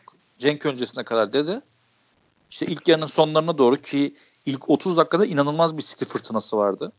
Onu Tabii. ayrıca Yani konuşuruz. Şimdi detaylı Klasik City, konuşuruz. klasik City performansını izledik aslında bu maçta yine. Aynen. Ama olmayınca olmadı yani artık bu noktada da. Yapacak bu bir şey yok. olsan şu maçtan sonra ne dersin ki yani? Ben daha ne yapayım dersin yani. Ya zaten bak %72,5 topla oynamışlar. 25 şut çekmişler. 900'e yakın pas yapmış şey e, topla buluşmuşlar. 666 pas yapmışlar. 14 korner atmışlar. Maç 2-2 bitiyor. Yani şimdi gerçekten diyebileceğin şeyler de hani e, bir yere kadar yani bunu açıklayabileceğin şey yok. Çünkü yani aslında gol beklentisi 2.5 bu maçta City'nin. İki golü buldular. Ama işte City'de de Arsenal'e benzer bir şey var. City bu sezon bir şekilde gol yiyor. Yani Laporte gitti gideli. Bir şekilde gol yiyor. Bu maçta Crystal Palace'ın gol beklentisi 0.6. 0.6'dan 2 gol çıkartmışlar. İyi gol çıktılar. Yani hem şeyin başarısı hem Crystal Palace'ın başarısı hem de yani Manchester United, Manchester City'nin bu sezonun başına kaçıncı kez geliyor? Hem ben podcast yaparken de burada hem sizin konuştuğunuzlardan da hatırlıyorum. Yani City ve Arsenal. Arsenal'in başka sorunları var ama City'nin hakikaten şanssızlıktı yani. Burada Fernandinho'nun ayağına çarpması. İşte ilk golü yedikleri zaman, geri düştükleri zaman yani Ya ben o golde aslında Fernandinho golü kendi karşısına geçen golde ben John Stones'a daha fazla hata buluyorum. Tabii canım Yani- orada Fernandinho'ya çarpıyor top yani. Çarpmasa Aynen. zaten şey yapacak. Wickham atacak orada golü. Aynen orada adım yapacağım. Ya John Stones kötü ya. Kötü yani. Bu sene gerçekten kötü. Kötü performans gösteriyor. Hatta maçtan sonra şey sordular. Roy Hudson'a sordular. O İngiltere milli takımında John Stones'u ilk oynatan o Everton zamanında ilk oynatan hoca. Hani ne diyorsunuz işte ikinci golde de Stones'un hatası var. Genel sürün değerlendirmesinde sizce ilk 11'de oynama şansı var mı işte de ne milli takım için ne düşünüyorsunuz gibi gibilerine soruyorlar. O da şey diyor hani e, Stones iyi bir oyuncu. Çok genç bir oyuncu. Şu anda hani e, City gibi bir yerde oynadığı için iyi yaptığı şey 10 katı iyi gözüküyor. Kötü yaptığı şey 10 katı gö- kötü gözüküyor. E, tabii diyor Pep'in kararı ben bilemem hani ilk 11'de oynayacak mı ama e, şu an zor bir dönemden geçiyor. Aslında iyi bir oyuncu deyip geçiştiriyor. Şimdi Laporte da yokken ki onu da en son tribünde yemek yiyorken gördük. Ne kadar hazır bilmiyoruz aynen. ama. Aynen aynen. Ve ee, şey, köfte gibi bir şey yiyordu ya. De, değişik bir şey yiyordu. Hani Laporte yok. Otamendi'ye güvenmiyorsun. Aynen. Ee, Fernandinho stoperlerinden bir tanesi. Şimdi bu denklemde Kyle Walker gibi savunmaya da daha çok katkı verebilen bir sağ bekte oynamak varken Stones'un sağ stoperde bu kadar eksikliği mevcutken Cancelo'yu bu kadar ısrarla oynatması ne kadar doğru Klopp'un şey e, Guardiola'nın onu da çok emin değilim yani. Evet bir şanssızlık var ama hani bir şanssızlık sürekli oluyorsa o şanssızlık değildir artık. Mesela geçen sene Fenerbahçe için konuşuluyordu bu hani. Bireysel hatadan çok gol yiyoruz. Bireysel hatadan çok gol yiyoruz. Ama her maç bireysel hatadan gol yiyorsan bir, bir, şey, bir, bir, bir problem var yani. Ya o zaman o bireysel hata yapan bireyi çıkartacaksın oradan. O bireyi çıkartamıyorsan o bireyin hata yapacağı minimum ortamı kurmak zorundasın sen bir teknik direktör olarak. Yani Guardiola her maçtan sonra şey diyor. Biz şampiyon olduğumuz oyunu oynuyoruz. Hep gol fırsatı buluyoruz. Evet abi sen hep gol fırsatı buluyorsun. Zaten sen şu an Premier Lig'in en çok gol atan takımısın zaten. Bundan çok gol atıp ne yapacaksın yani? 64 evet. gol atmışsın. Kimse seni şey diye eleştirmiyor ki zaten o, o noktada. Ha aynen. Yani Pozisyona giremiyor daha... diye eleştirilmiyor. City'nin ya bitir, bitirmede sorun yaşıyor ya da e, savunmada sorun yaşıyor. Bu ikisinde yani takım üretkenlik açısından e, bu maçta da iki tane gol atmış. Bu maçta da yani, yine savunmayı aç, açmış yani de, defalarca açabildi. İşte bitiremediler bir şey bulmadı falan filan. Ama kimse kısır bir City var demiyor yani Guardiola'ya. Ama 23 maçta 27 gol yemişsin sen. Maç başına bir golden fazla. Yani Liverpool'un yediği gol sayısı ortada. 14. Ya, ya iki şöyle... katı gol yemişsin sen abi. Bu, yani şampiyon takım oynadık oyuncularımla gurur duyuyorum. Ya tamam abi oyuncularımla gurur duyuyor ama bu oyuncuların eğer bu kadar hata yapıyorsa senin bu hatayı minimize edecek denklemi kurman lazım. Yani eğer Stones bu kadar aksıyorsa o zaman Cancelo ile başlama abi. Cancelo'nun zaten Juventus'ta da belli bir süre sonra Allegri döneminde geriye düşmesinin en temel sebebi savunma katkısı vermemesi. Bu Kyle Walker ne oldu? Guardiola'nın annesine mi sövdü? Ne yaptı bilmiyorum ya. Oynatmıyor adamı. E solda Mendy ya Mendy güzel kardeşim tamam ben mesela çok üzülmüştüm ilk o dizi gittiği zaman çapraz bağlar gittiği zaman ama Abi bunu Cancelo mesela düzeltti onu biraz. İlk başta o da böyle gelip gelip 30-40 metreden orta açıyordu Caner Erkin gibi. Şimdi bu maçta da Mendy öyleydi. Şimdi ilk 30 dakika City'nin çok büyük baskısı var diyoruz. Evet. Ama Mendy'nin açtığı yüksek toplar böyle erken ortayla açtığı yüksek toplar abi içeride de yani şey var. Hani öyle çok e, hava toplarının etkili bir adam yok yani. Agüero, Sterling, Bernardo Silva ile oynadın içer, ileride üçlüde. Ki ona rağmen düzgün orta açıldığında Agüero atabildiğinde gördük. yani. Atabiliyor Aynen. bu adam. Vurabiliyor. Ya hayır şunu söyleyeceğim yani 87. dakikada o ortaya açıp o golü atabilirsin. Makul onu anlarım. Artık oyunu yığmışsın rakip çıkamıyor yüksek top atabilirsin. Ama rakip daha dinç. Kaybettiği topları kalene direkt gidebilecek oyuncuları var. Zaha var bir defa ellerinde. Yani tam rakip sahaya yerleşmişken inanılmaz bir baskı kurmuşken top men diye geldiği zaman niye yüksek topa döndü? Ve Guardiola niye buna müdahale etmedi? Ben bunu da anlamıyorum açıkçası. Daha önce hangi Wolverhampton maçıydı sağlarında 2-0 kaybettikleri. O maçta da Cancelo mesela. Gelip gelip 30 metreden orta açıyordu. Wolverhampton adamı Traore, Traore ile çıktığı her pozisyonda etkili oldu. E bu maçta da şimdi aynı aynı denklem yani. E yani bu kadar birebir o şey maçında Wolverhampton maçında tek farkı bu sefer iki gol atıp puan kaybettiler. Orada gol atamayıp puan kaybettiler. Ya bu kadar her şey birebir aynı giderken Guardiola'nın müdahale etmemesini ben anlamıyorum açıkçası. İşte hal böyle olunca da puan farkı 18'e çıkıyor işte. Ne, yapacak bir şeysi kalmıyor yani. Kim maç eksiği var Liverpool'un? Liverpool'un bir de maç eksiği var. 19 olursa işte. Yani 23 maçta 21 puan fark yapacak eğer şey kazanırsa. Liverpool bu maçı kazanırsa. 67'ye 28 olacak yani. Her maç bir puan fark koyuyor adam. Ben bu noktada sana bir şey sormak istiyorum aslında Şafak. Şöyle hem Fabian Delphi yolladılar bu sezonun başında hem Kompany yolladılar. Siz bunu biraz da konuşmuştunuz ama ikisi yani Kompany'yi belki tutabilirlerdi bir sezonda. Hem bu kulübün yeni yapılanmış City'nin en önemli oyuncularından bir tanesiydi, efsanesiydi belki.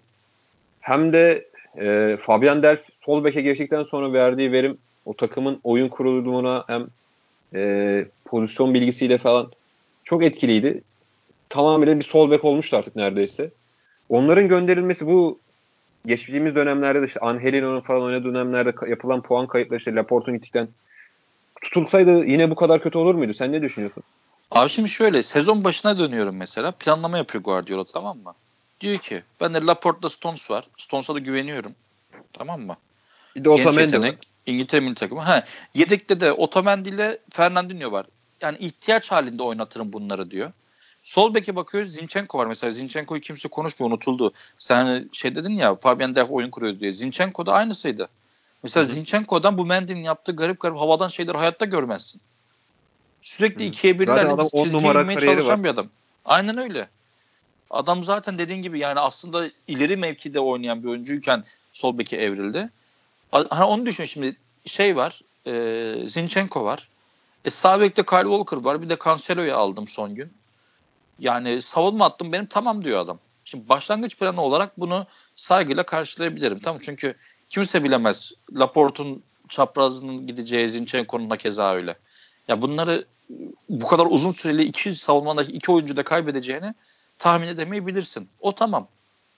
Ama e, bunlar gitti sezon içerisinde. Ka- yani sakatlık oldu abi. Bu, bu, bundan doğal bir şey yok. Sen City gibi bir takımdasın. Sınırsız para kaynağın var her ne kadar aksini iddia etsen de. Ya Mendy'ye vermişsin 60-80, Stones'a vermişsin 40-50. Cancelo'ya son gün vermişsin 30 küsür. Laporta verdin 60 küsür. Yani hani bunlar sen çakıl taşıyla almadın ki. Evet. Hepsine tonla para verdin. Yakın milyon, 70 milyona yakın bir parayla Ederson alındı bu takıma. Aynen ki bence o para etmeyen bir kaleci. Yani bu seneki performansı da onu gösteriyor. Geçen senenin çok gerisinde. Dolayısıyla yani bu devre arasında ben transfer yapmayacağım inadını gurur yapmasın hani gurur yapıyor bence yani şampiyonluk gitti. Ee, 10 küsür puan fark yedim işte devre arasında girerken 13 puanlı yanlış hatırlamıyorsam. 13 puan fark yedim. Hani ben buradan al, alamam bunu çünkü Liverpool puan kaybetmiyor. Para harcamayayım nasıl olsa bana çok para harcadı da başarısız oldu diyecekler diye. Abi gene diyeceğiz yani sen dediğim saydım bu oyunculara yani. Sen bunları daha iki sene öncesine kadar geçen sene kadar verdin bu paraları. Senin ihtiyacın var abi. Sen stoperin yok. Stones güven vermiyor. Fernandinho zaten stoper değil. Ki adam gene görece iyi performans gösteriyor yani ben beklediğimden iyi performans gösteriyor. Mendy sakatlıktan sonra olmadı. Tamam 60 küsür verdin. Ama senin sistemine uymuyor. Ya Mendy'nin mesela niye Mendy istiyordu şey e, Guardiola? İnanılmaz tempolu bir oyuncu. Savunmadayken hava toplarında yüksek topta etkili olabilecek bir oyuncu. Çünkü City'nin yediği gollerin çoğunda yan toplardan gol yiyordu geçen sene. Az gol yiyordu. Yedi deme hava topundan yiyordu. Orada en azından savunmanın boyunu yükseltebilecek bir oyuncu. Tempolu bir oyuncu. İleriye gittiği zaman da asist yönü olan bir oyuncu. Abi bir defa adam ya çok ağır bir sakatlık geçirdi. Ne kadar geçirdiği tartışılır. Temposunu kaybetti. Bir. İki. Senin oyun mantalitende oynamıyor bu adam. Yani senin oynattığın oyunda beklerinin topu havaya kaldırmaması lazım abi. Senin bekinin sıfıra inip içeriye yerden sert orta açıp Agüero ile gol atman lazım. Yüz bin kez yaptım bunu. Ama şimdi ceza sahasının köşesine geldikten sonra şimdi 30 metreye havadan top atınca ben de sıfıra inemiyorsun abi. Olmuyor yani. Ki zaten rakipler sana önlem alıyor. Zaten. Dolayısıyla başlangıç planı olarak ben çok hatalı bulmuyorum Guardiola'yı kadrosuna baktığı zaman işte Walker Cancelo sağ beki tamamladım diyor. Laporte Stones yedekleri Fernandinho ile Otamendi. Bir şekilde idare ederim. Zaten top bende kalacak. Çok pozisyon vermem diyor. Sol bekte Zinchenko ile Mendy. Tamam ben götürürüm diyor. Ama sezon içerisinde olan şeyleri doğru refleksleri veremedi bence. çok iyi açıkladın abi soruyu şey olarak. E, bazı noktalarda da şey de yani şanssızlıklar da yaşadı. Yani City hani geçen sene nasıl ki belli noktalarda şans devreye girip kazanırlarsa bu sene de şanssızlıklar devreye girip bir şekilde puan kayıpları da yaşadılar. Yani City Liverpool'un Liverpool'un da bu kadar böyle bir performans göstereceğini düşünmemiştirler belki. Abi yani. haklısın da sana şunu soracağım. Geçen hafta Hı-hı. Mahrez bir tanesi yoktan var etmek üzere iki tane gol attı. Bu maça Bernardo Silva ile başlıyorsan bu şanssızlık mıdır? Senin hatan mıdır? Aynen böyle bir maçta zaten rakip kapanacak belli. Yani at Mahrez birebir de Ridevat'la teke tek kalsa çok büyük tehlike yani. Şey önünde Zaha oynayacak zaten. Daha geçen hafta yapacağını göstermiş adam. Yapmış bunu yani. Aynen orada önünde Zaha oynuyor. Zaha ne kadar bekine yardım edecek? Ki orayı da McCarthy ile kapattılar çoğu zaman. 4-4-2 gibi dizildiler. McCarthy de gerçekten çok iyi. Miljajovic yoktu ama yerini doldurdu öteye gitti yani. Oraya da geç, geçecektim ben aslında. Crystal Palace da çok iyi oynadı bu maçta yani şey açısından. Bu maçta yani City deplasmanda City'ye karşı nasıl oynanılır? Böyle oynanılır. Yani dizildiler. Zaten savunma açısından şeyler, tecrübeli adamlar var. İşte Tomkins bu ligi bilen adam. Gary Cahill zaten, Gary Cahill zaten yani yılların tecrübesi. Martin Kelly iyi bir bek mi? Değil ama savunmada işlerini iyi yapar. Savunmacı bek diyelim.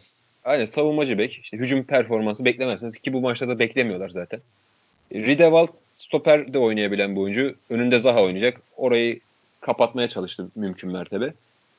Orta sahadaki üçlü çok iyiydi bence. Zaten hem fizik olarak güçlüler hem pas kaliteleri de olan adamlar. C- McCarthy, MacArthur, Kuyate. Kuyate de çok iyi oynadı bu maç. Öyle yani şey açısından e, sakin kalabildiler. Heyecanlanmadılar. City baskı kurduğunda hata O ilk yapmadılar. yarım saati hasarsız atlatmaları büyük başarı gerçekten. Aynen. E, e, hatayı da son anlarda yaptılar. O iki golde bence biraz dağılmışlardı artık. Yor, yani o kadar konsantrasyon ve yorgunluk bir yere dağılacaktı. E ama bence emeklerinin karşılıklarını bir puanla aldılar yani. Ben çok beğendim bu maçta şeyi. Crystal Palace'ı. Zaten Özellikle... 82-87'de iki gol yiyip ambale olup 90'da beraberliği yakalayabilmek City deplasmanında inanılmaz bir psikolojik direnç de ister yani.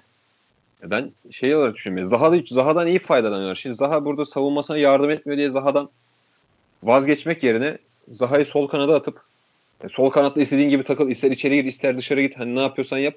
Orayı McCarthy ile kapatırız. Zaten Ayev görevlerini yapan, pozisyon bilgisi olan bir oyuncu. O şekilde dizildiler savunma yaparken. 4-4-2 gibi dizildiler savunmaya dönüşlerde. Bir de sezon başında Zaha'nın gitmek istediğini de hatırlarsak o krizi Hı-hı. çok iyi idare edip şu an 9'uncular mesela.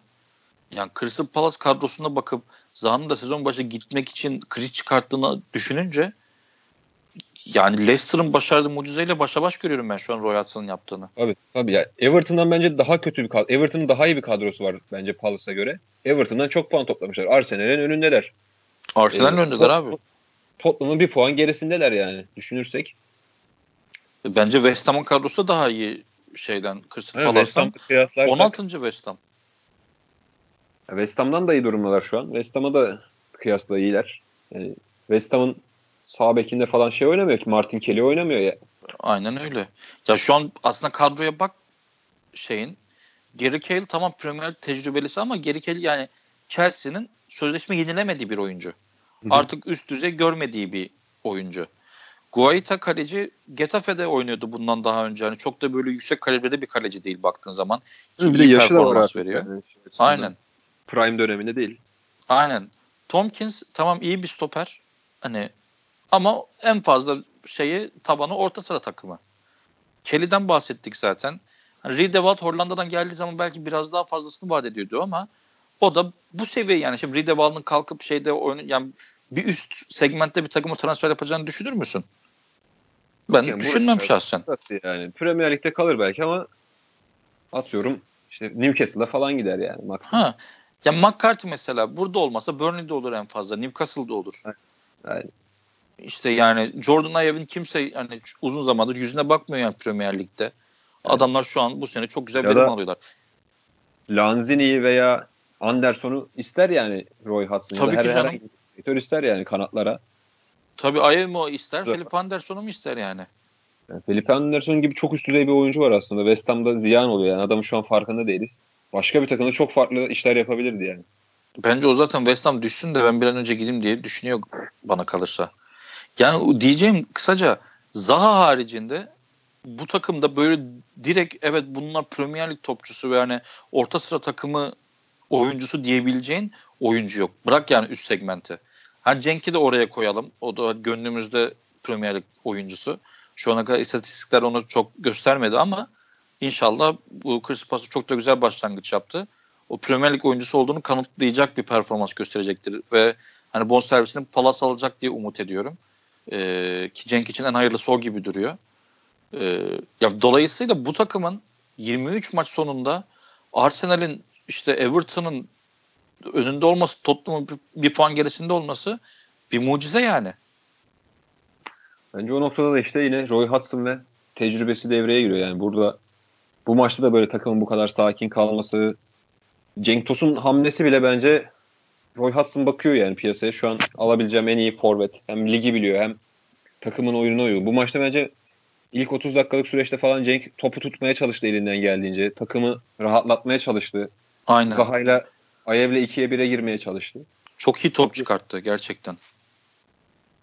Yani City'ye karşı ne kadar oynanabilecekse o kadar oynadı bence Cenk. Gol de attı. Çok iyi bir başlangıç oldu bence.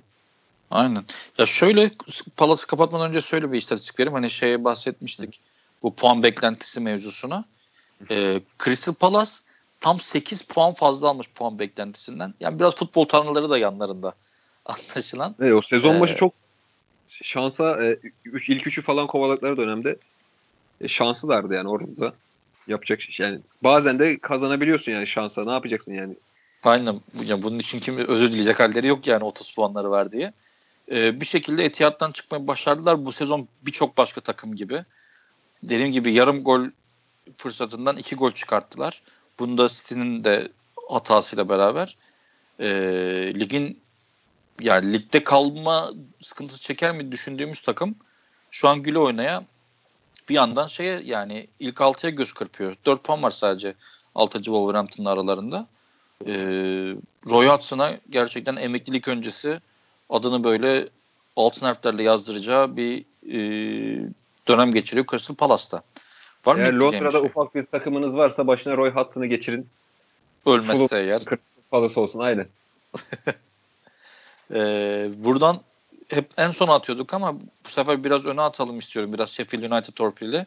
Arsenal'e evet. geçelim istiyorsan. Geçelim ya. Abi ben çok konuştum. Biraz sana sorayım. Nasıl buldun maçı? Bu yani sezonun flash takımı Sheffield United'da sahasında yenilmedi mi diyelim Arsenal'e yoksa şu, şey mi diyelim? Lige yeni çıkan ekibi sahasında yenemedi mi diyelim? Hangi pencereden bakıyorsun? Ligin iyi takımı karşısında bir puan aldı diyelim bence ya. Artık maalesef acı ama Arsenal bu noktaya geldi yani.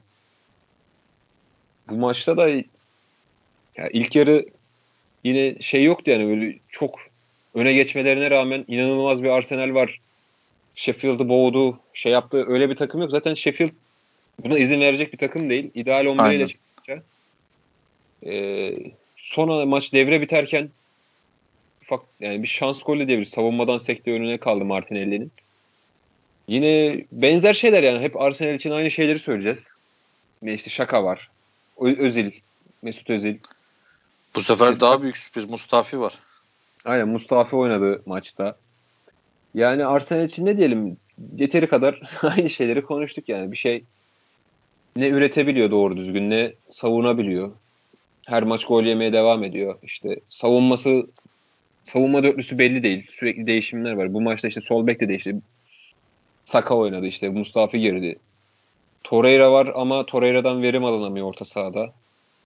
Yani mesela Torreira'nın yanında biraz daha eli düzgün, eli yüzü düzgün bir orta saha oyuncusu olsa ne yaptığını bilen tecrübeli bir yani Premier Lig'de çok da muazzam olmayan Premier Lig'i bilen bir oyuncu olsa mesela Torreira'nın yanında daha Kuyate mesela Crystal Palace'taki. Aynen Kuyate tarzı bir oyuncu olsa en azından Torreira'nın kafası rahat olur yani. Şaka gibi bir oyuncu da oynayacağına. Yani şöyle ben bu maç özelinde diğer maçlarda da artık geldi geleli biraz daha farklı gözle bakmaya çalışıyorum Arsenal'e. Hani bir şeyler yapmaya çalışıyor diye. Ee, ya ben şunu fark ettim. Hani sen şey dedin ya böyle boğmadı Sheffield'ı vesaire diye. Bence Arsenal bu sene sezon bitene kadar hiçbir takımı öyle boğmayacak. Yani Emery dönemindeki o tempo hiçbir zaman görmeyeceğiz ve bunu artık da bilerek bilinçli bir şekilde yapıyor bence. Çünkü mevzu şu elindeki savunmanın zaaf verdiğini biliyor. Ve bu yüzden de sürekli tempoyu düşürme peşinde. Zaten Mesut'u ilk 11 almasının temel sebeplerinden biri de o bence. Yani ben topa %60 falan sahip olayım ki top bende kalırsa bu hani Lamasya'nın klasik mantığıdır ya top sendeyken işte gol yemezsin diye.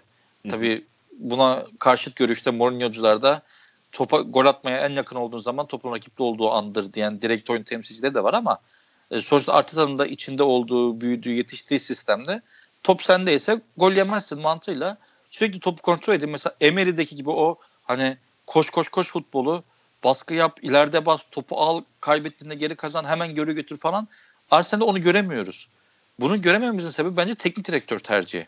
Ya bana öyle geliyor. Hani henüz bununla ilgili pek de okumadım çok bir yerde varsa konuşulduysa bilmiyorum ama hani yanlış da olabilir bu. Ben bunun Arteta'nın isteğiyle tempoyu bilerek düşürüp topa sahip olup mümkün olduğu kadar az pozisyon vereyim. Nasıl olsa ben az pozisyonda bile gol yiyorum. Hani çok pozisyon verirsem çok gol yerim düşüncesiyle o hani o gitgelli oyunu savunma zaafından dolayı bırakıp daha böyle topa sahip olan pozisyon oyununa dönüyor. Çok yetenekli oyuncuları olmadığını bilmesine rağmen yapıyor bunu. Yani buradaki temel amaç topa sahip olup gol atayım değil de topa sahip olup gol yemeyeyim. Gol yemeyeyim diye değil mi? Aynen topu e, rakipten tehlikeyi önlemek için. Aynen. Aslında burada çok uygun bir 11'i de yok aslında. Yani. Pas oyununu oynamaya. Yok doğrusu, aynen. Yani Torreira'yı kullanma e, Gündüz'ü Gündüz'ü kullanması lazım onun için. Ama mesela o zaman da takım çok Mesut'tan ağır. Vazgeçmesi lazım o zaman da işte. O zaman da Mesut'tan vazgeçmesi gerekiyor. E, Arsenal için Arsenal teknik direktör olmak da bir dert aslında yani. Ne oynatacaksın? Oyuncular oynamıyor. Bir şeyler yapmaya çalışıyorsun ama savunma çok sıkıntılı. Yani şimdi bu adam da yani Arteta da ilk teknik direktörlük birinci adamlık deneyimini böyle bir yerde kullanması da keşke gidip Sociedad'da falan başlasaydı yani. O da herhalde Sociedad'da başlarsam Arsenal'e gelmem 10 senemi alır. Hazır kavuma gelmiş derken kabul edeyim dedi galiba. Yani bilmiyorum Arteta yani o da bir risk aldı aslında. Kariyer içinde risk aldı. Yani şu an Arsenal'de yapacağı her hata ileride yani başka bir takıma giderken önünde CV'sinde yazacak bir negatif etki yapabilir. Şu an Arsenal'de pozitif bir şey yapması ne düşünüyorum. Ne yapabilir diye düşünüyorum. Yani hücum futbolu oynatabilir. Gümbür gümbür diye düşünüyorum. Yani. O da oynatamıyorsun. Savunmacıların kötü. Orta sahan buna müsait değil. İşte beklerden... Yok dediğim gibi işte o zaten bence yani bu mümkün e, değil ya. Takıma gelirken Emir döneminin şeyini çektiği zaman, röntgeni çektiği zaman ilk aldığı karar bence şey gibi duruyor. Bu tempoyu düşürmek lazım. Bu savunma yapısı yapısıyla öyle gümbür gümbür hücum futbolu oynanmaz demiş bence. Ya ben bunu görüyorum. Ama bir mesela bunlar, var bir de oyuncular papazlık yapıyorlar takımda. Hocayı gönderelim, Emery'i gönderelim, başka şeyler yapalım. O tarz olaylar var. Yani çok sıkıntılı bir yer ya. Yeni baş, yeni bir teknik direktör için ilk ilk tecrübe için çok sıkıntılı bir yer bence Arsenal. Ya bence şöyle bir garanti almış olabilir Arsenal yönetiminde. Sezon sonuna kadar bunlarla gidelim. Sezon sonu büyük bir temizlik yapalım demiş olabilir. Bilmiyorum. Ama ya kendisinde bazı tercih hataları var. Şimdi mesela şeyin Sokrates'in olmadığı bu maça geçen Mustafa ile de konuşmuştuk. O söylemişti hani. Rapolding bu maçta da oynayamayacaksa Mustafi'den iyi değilse bu adam bunu kadroda tutmayın arkadaş. Yoldan kiralık mı yolluyorsunuz? Bon servisi de mi veriyorsunuz? Ne yapıyorsanız yapın. Bunu kadroda tutmayın yani. Eğer bu adam şu an bu haldeki Arsenal'de bile şans bulamayacaksa. Maitland Nice'ı oynatıyor. E, kazanabilmek için belki de. Hani sağ bekte. Abi sen zaten yani zayıfsın savunmada. Hani Beler'in gibi bir değer var elinde. Sakatlığından dolayı değerini kaybediyor her geçen gün oynamadıkça. Ya bu adamı kazan gerekirse elden çıkaracaksan da sezon sonunda bu adamı oynat şimdi sezon sonunda yüksek paraya sat. Yok satmak istemiyorsan e gene oynat bu adamı form tutsun en azından. İkisini de yapmıyor yani ondan vazgeçmiş gibi. E, Gendüz'de o geldi geleli Mesut'u oynatabilmek adına yedek kulübesine çekildi. Hani şey o denklem basit. Mesut varsa orta sahadan bir kişiyi eksiltmen lazım. E, savunma yönü daha kuvvetli olduğu için Torreira ve Çakay'la çıkıyor ama Gendüz'den fedakarlık yapmış oluyor o durumda. Yani evet çok zor durumu. Evet çok garip bir ortama geldi. Papazlar var. Savun kadro takım kimyası iyi değil. Takım mühendisliği de iyi değil. Ee, ama kendisi de bunu iyileştirmekte böyle bir iki şey yapmış şey gibi geliyor bana yani. Bu sezonu bitirelim 10. mu olur 12. mi olur? Hani kalkıp küme düşecek halimiz yok. Bu sene bitsin. Ne Avrupa'ya gideceğiz ne bir şey yapacağız. Ben bir takımı temizlerim diye düşünüyor gibi geliyor. Yani düşünüyordur gibi geliyor bana.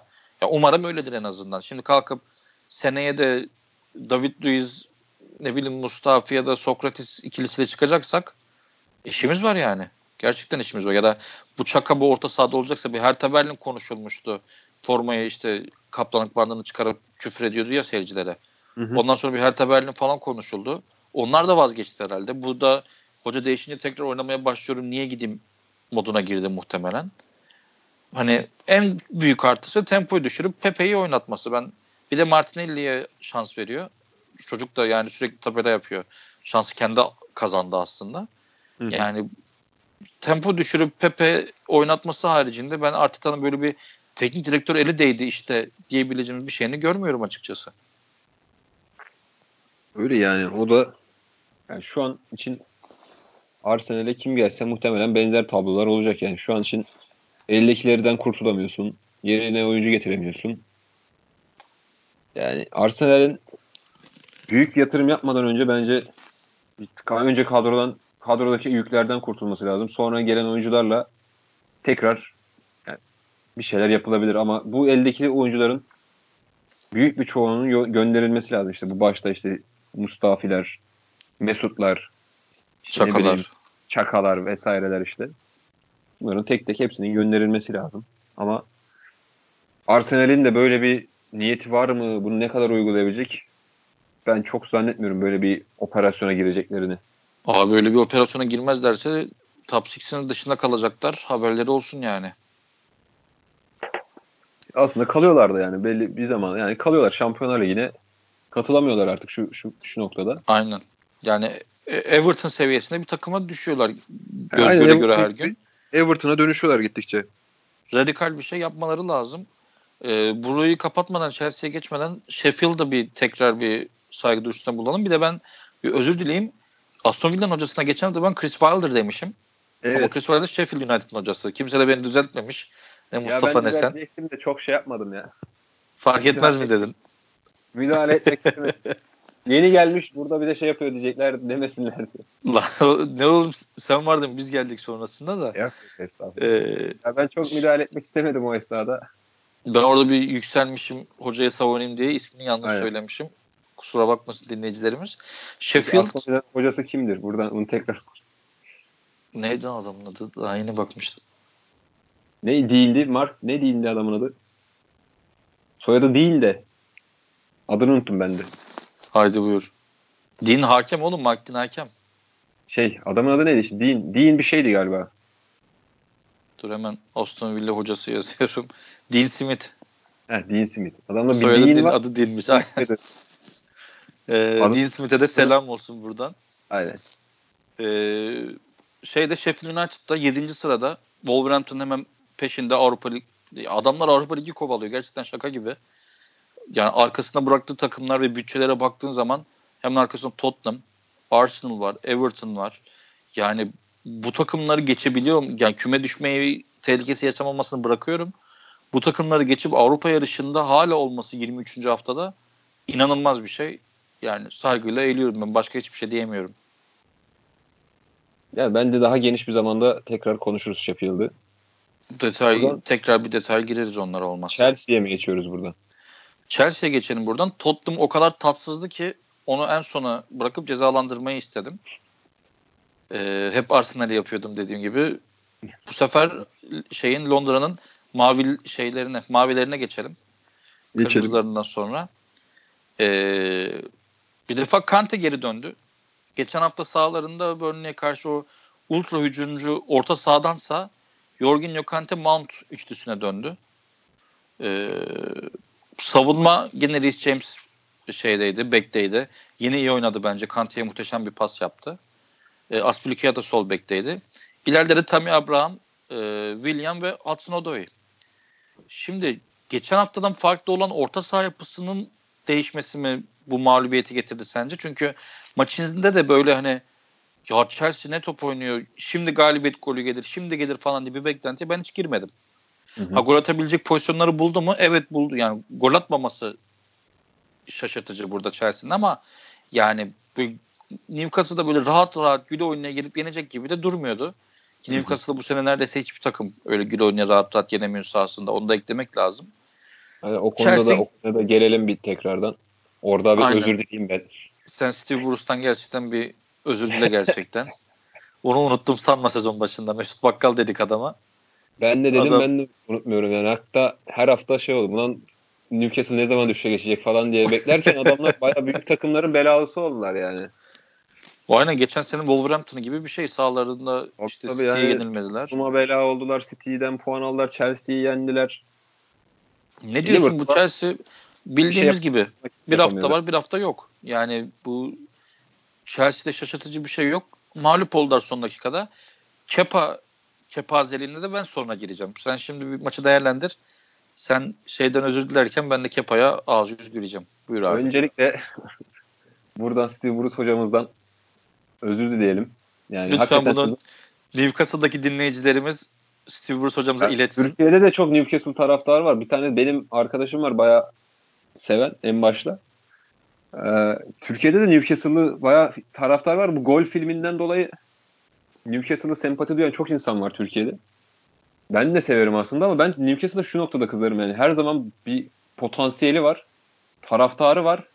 Ama bir türlü başarı gelmiyor. Yani bir türlü istenen seviyeye çıkamıyor. Aslında bir noktada Shearer gitti gideli. Aynen.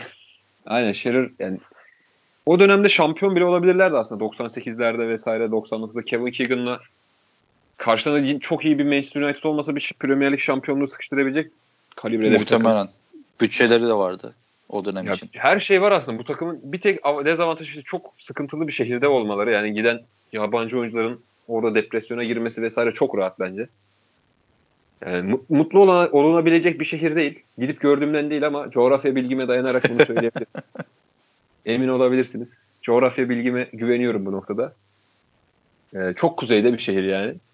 Ee, o noktada bu sezon aslında hala e, şeyin kurmuş olduğu düzen ve bıraktığı miras devam ediyor.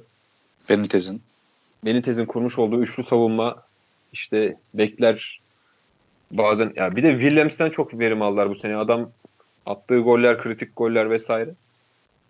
Ee, işte Shelby'dir vesairedir. Premier Lig'de mesai yapmış oyuncularla da işte, işte Sam Maximin'la, Almiron'la, Joe Linton'la sonuca gitmeye çalışıyor. Aslında bir sezon başında bunu söylemiştik.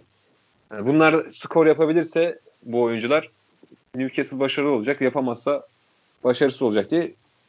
Ama zaten biraz, şöyle e, bir şey var. Biz bunu söyledik ama Joelinton bir gol attı. Ona rağmen başarılılar. Aynen. Aynen. Yani takım olarak herhalde e, takım olma ve meziyetlerini geliştirdikleri için şu an buradalar. Yoksa arka altlarındaki takıma bakıyoruz.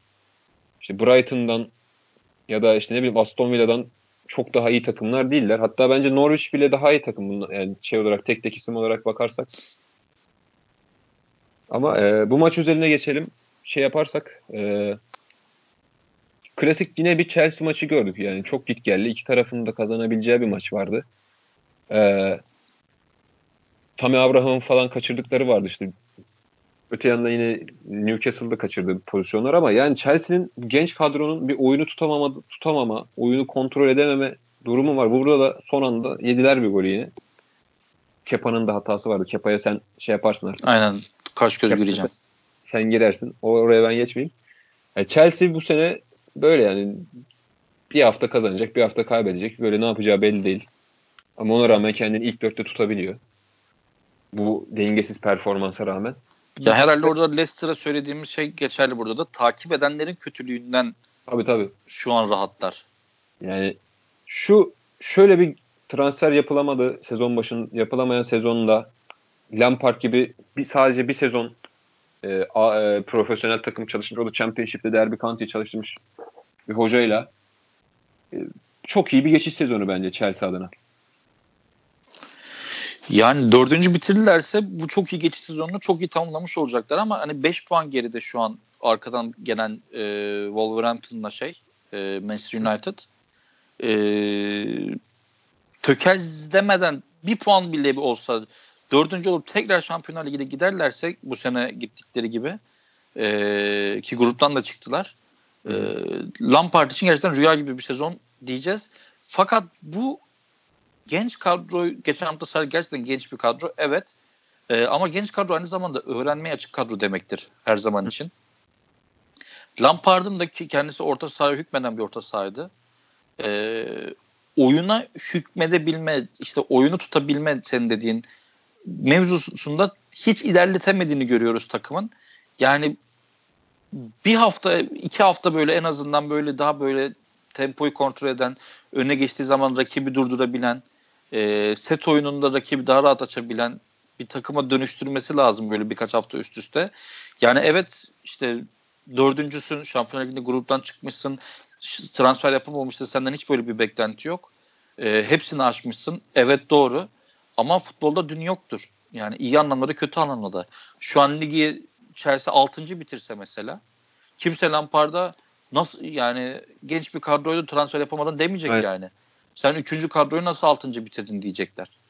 Dolayısıyla biraz artık hani e, taktik olarak da Lampard'ın bir şeyler göstermesi lazım gibi. Ya mesela Jorginho Kante'yle çıkıyorsun. Normalde bu ikilinin oyunu tutabilmesi lazım baktığı zaman orta sahada.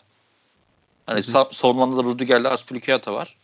Ee, ama olmuyor. Yani Willian da oynasın işte geçen haftaya göre daha böyle tecrübelilerle gençleri karma hale getirdi bu haftaki ilk 11'de. İşte Ross Barkley'i çıkarttı e, geçen haftaki rotasyondan en basitinden orta sahadan.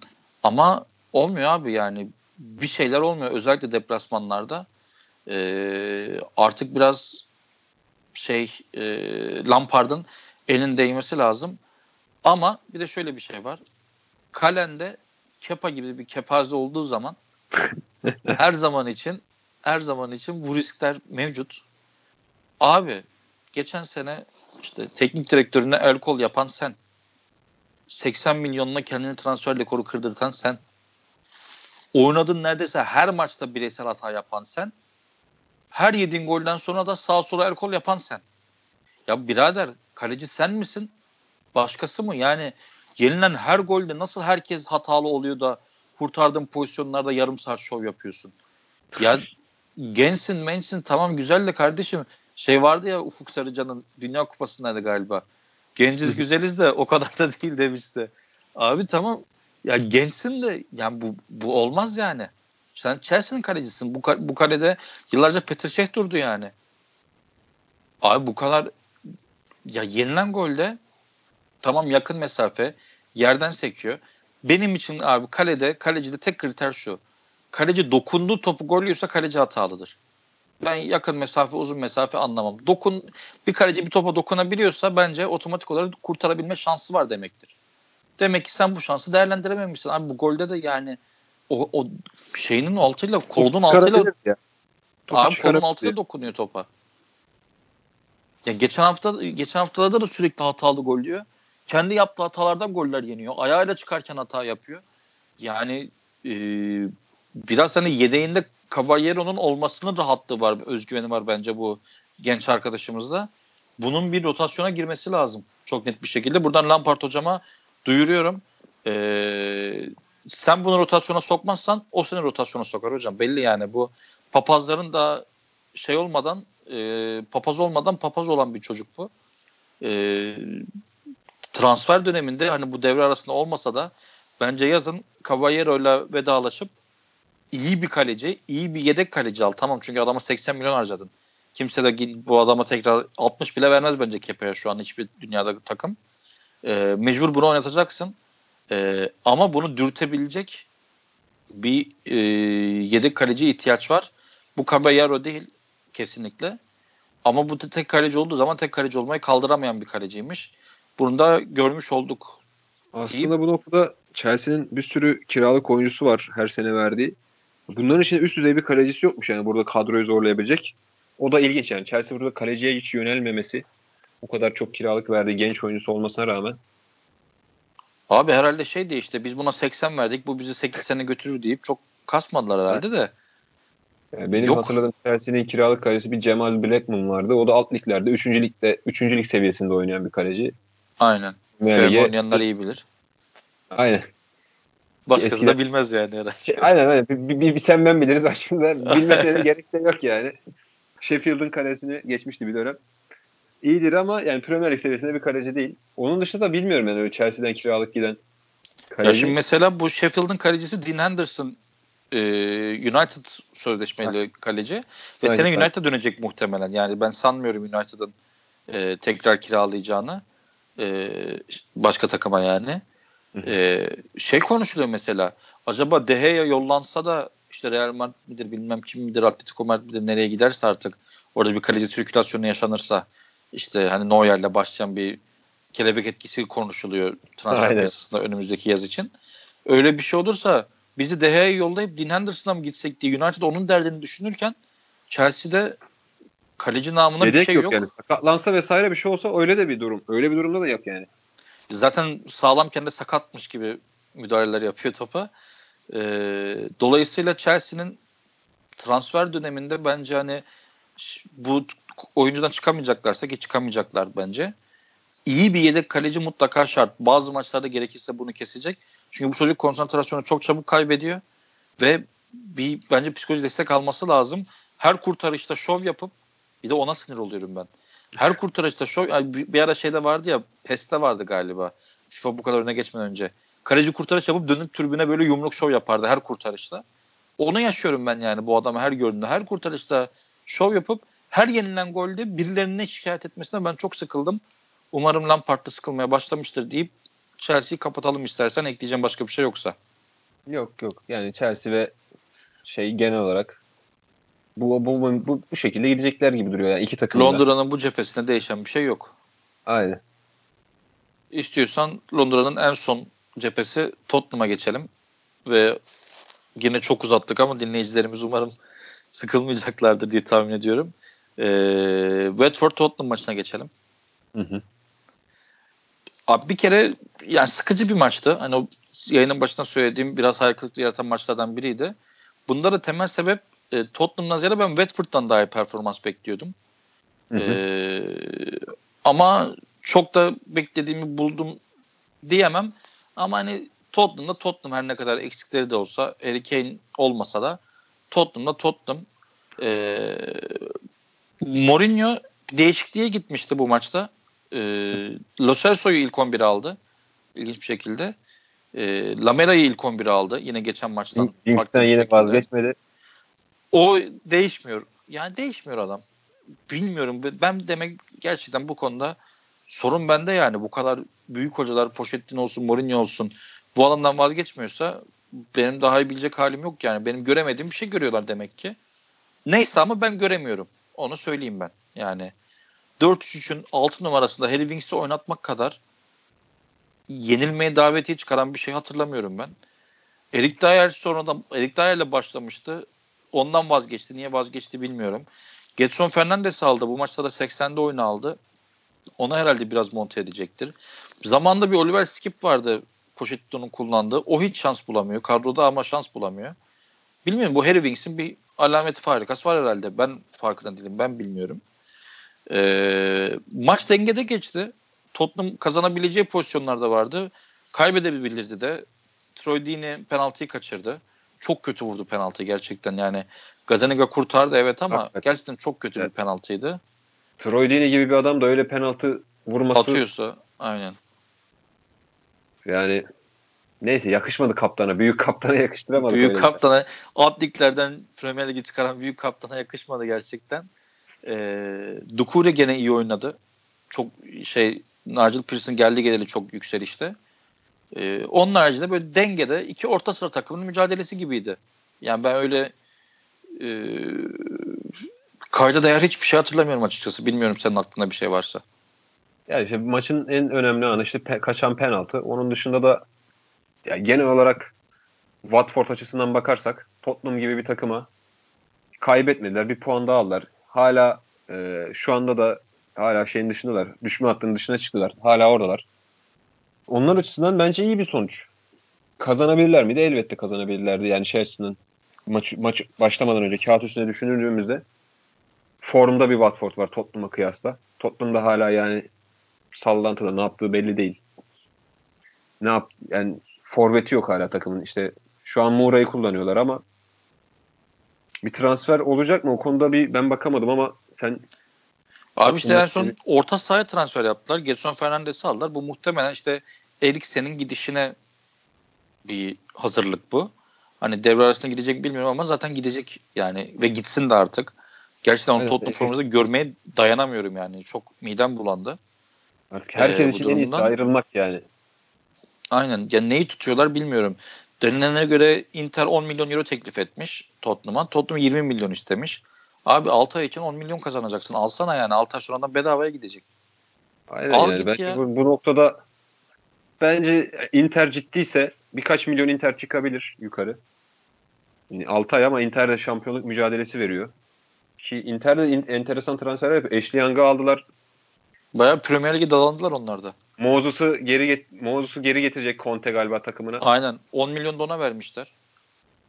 Yani Inter'de ilginç transferler yapıyor. Yani Conte tanıdığı elemanlara yöneliyor biraz ama yani Tottenham'ın bu konuda ısrar etmemesi lazım. Yani 6 ay daha yani sezon sonuna kadar Eriksen'i Tottenham'da tutmanın hiç kimseye faydası yok. Abi 6 aylık vermeyecekleri maaşı koysunlar üzerine zaten. 13-14 milyon yapar. Yani verin abi bu adam. Hiçbir yararı yok işte.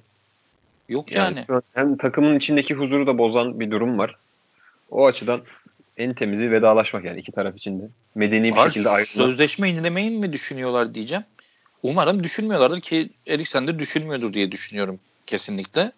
Hiç öyle bir sahada öyle bir hali yok çünkü.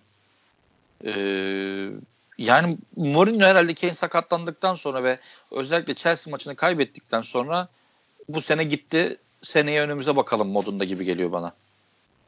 Muhtemelen şu an için çok da bir yatırım yapmanın mantığı yok. Yani takım ne yapacak buradan gidip işte yani dördüncülüğü zorlayabilir. Ama onun için de değer mi yani bu kadar para ya ben şunu düşünüyorum. Mourinho şeyi çok sever. Yani Şampiyonlar Ligi'ni zaten çok seven bir hoca onu biliyoruz. En başarılarından. Bu sene de gruptan çıktı işte. Ee, hatta geçen yayınlarda bahsetmiştik. Galiba dört farklı ülke takımıyla gruptan çıkmayı başaran tek hoca. Ee, ve birden çok takımla. Ama şey gibi geliyor bana bu sene en azından ilk altıyı zorlayıp seneye de çünkü bu kadro yapılmasına eğer çok büyük değişiklikler yapmazsa ilk dörde girmesi çok mümkün değil. Hani ilk altıyı zorlayıp Avrupa Ligi'ne gidip onu kazanıp Şampiyonlar Ligi'ne önümüzdeki senenin biletini almayı düşünür gibi geliyordu bana. Ee, ama onun da çok umurunda değil gibi bu sene yani ilk altıya girmek. Ya da şey diye düşünüyor. Hani nasıl olsa Sheffield, Wolverhampton falan şey yapar. Düşe geçer ben aradan sıyrılırım diye düşünüyor belki de. Ya bilmiyorum ama yani artık Tottenham maçları o ilk Mourinho geldiği zaman hani sürekli 3-2, 3-1, 3-2 biten bir dönem vardı ya. Ken Hı-hı. gittikten sonra o dönem de gitti. Çok böyle izlenesi bir takım değil açıkçası en azından benim açımdan. Yani, şu yani şöyle söyleyeyim. Tottenham eğer, maçı var. Heyecanlanmıyorsun yani. Ha aynen. Yani eğer yayın yapıyor olmasaydı, ya podcast işimiz olmasaydı ben muhtemelen ilk yarıdan hatta belki ilk yarıya dayanamadan maçı kapatabilirdim gibi geliyor bana yani. Aynen aynen. Bu da bu da bu, bu işin cilvesi zaten. Yani izlenmeyecek maçları da izleyip Aynen. Hakkında biz geçen sene diyorum işte yani bir ara City, City o kadar formdaydı ki çöp çekip izliyorduk. Artık sıkılmıştık yani her hafta City'nin yaptıklarını ikiye birlerle çizgiye kadar inip oradan gol bulmaları vesairesi. Ama ya bu maçta tek şey yani. Şu İsmail an, şu Sarı izledik Watford'da. O çocuk sezon başındaki yayında da konuşmuştuk hatırlarsan. Hani evet, Fransa'da evet. buna baya fakir Nikola Pepe'si deniyordu. Hani Pepe 80'e gitti. Sar 20'ye gitti diye. Uçak diyorlardı. Pearson geldikten sonra çıkışa geçen oyunculardan bir tanesi de o. Bu maçta da böyle yarattığı pozisyonlar oldu. Dikine çok oynadı. Ee, ama yani çok böyle yavan bir maç açıkçası. Çok da ben daha fazla üzerine eklenmesi gereken bir şey olduğunu düşünmüyorum. Senin ekleyeceğin bir şey yoksa bu bölümü Yine, de kapatalım yavaştan. Nigel Pearson hocama başarılar diliyorum. Dilemeye devam ediyorum. Hocam çok yine, yine formda yani. Yine Watford'u da aldı çıkardı şeyden ateş çemberinden. Eğer bugün Aston Villa'yı da yenerlerse Heh, onu söyleyecektim tam. Yani büyük ölçüde hem moral olarak hem puan avantajı olarak Watford'u e, en azından dalgalı denizden fırtınalı denizden dalgalı denize çıkarmış gibi olacak yani. Çok ufak bu hafta içindeki mesaiden de bahsedelim. E, hatta şimdi oynanacak maçların çoğu bir yarım saat bir saat içerisinde biz yayını kaydederken hı hı. E, az kaldı. Küme düşme potasında Aston Villa Watford çok kritik bir maç. Aynen. Aston Villa sahasında Watford'a kaybederse eğer aşağıya doğru bir bilet alacak gibi duruyor. E, Sheffield United Manchester City iki taktik dehanın karşılaşması. İlginç Aynen. bir maç olacak. Yani o da izlemesi keyifli bir maç olabilir. Everton Newcastle ben şahsen izlemeyi tercih etmem ama izlemek isteyen varsa da saygı duyuyorum. Bournemouth Brighton Bournemouth'un son çırpınışları. ilgilendiriyor. Aslında o da alt tarafı ama Tabii. Ya Bournemouth'un son çırpınışları bunlar. Bir de bunlar ikisi de güney takımı. Belki derbi merbe bir şey olabilir aralarında ama emin değilim. Çok da Crystal, yakın yerler değil aslında birbirlerine. Crystal Palace Southampton iki yükselişte olan takım. Bana biraz gol vaat ediyor bu maç ama bilmiyorum bakalım nasıl olacak. Ve gece yarısı ana yemeğimiz Chelsea Arsenal olacak. Londra derbisi. Londra derbisiyle. Mavileri kırmızılar. Şu o, maçlar 2006'da 2007 olsa inanılmaz heyecanlı maçlar vardı. Aynen. Ama şu an için çok da bir şey ifade etmiyor açıkçası. Ben Chelsea Arsenal maçına gerçekten çok düşük tempo bekliyorum. Yayını yetiştirirsek eğer maç başlamadan iddia oynayacaklar varsa ben çok üst oynamayın derim. Ama tabii bu maçların sağa sola belli olmaz. Derbi maçı. Aynen, her, ben, her şey olabilir. Ben de Crystal Palace Southampton maçından yine bir beraberlik bekliyorum. Palace'ın beraberlik serisi devam edecek gibi hissediyorum. Bakalım bir, son bir olarak 1-1 diyorum hatta. Genelde ta- tahminlerim çıkmaz ama. Hazır gaza gelmişken o zaman bari yarın maçlarını söyleyeyim çünkü yarına kesin yetişiriz. Leicester West Ham'a ne diyorsun?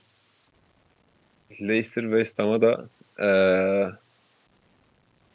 yani West Ham da çok parlak değil. İç sahada Leicester yine bir şekilde kazanır diye düşünüyorum yani çok büyük bir sorun olmazsa. Leicester yani ben kazanır. de West Ham'ı görünce her zaman için böyle büyük takımlara karşı üst beliriyor gözümün önünde. Onu iletim dedim. Tottenham Norwich. Tottenham kazanır ya Norwich. O kadar da şey değil ya. Tottenham bence bu maçı kazanır. Yani. Ya bari bu maçı kazansın diyorum ben yani, de. Aynen Norwich'i yenerler ya. United Burnley. Yine Burnley faktörü var ama içeride bence United da bu maçı bir şekilde kazanır. Yani ya, bir şekilde yan toplardan bu kadar gol yiyen bir takıma Burnley gol bulur gibi geliyor bana. United iki gol atar şekilde, mı?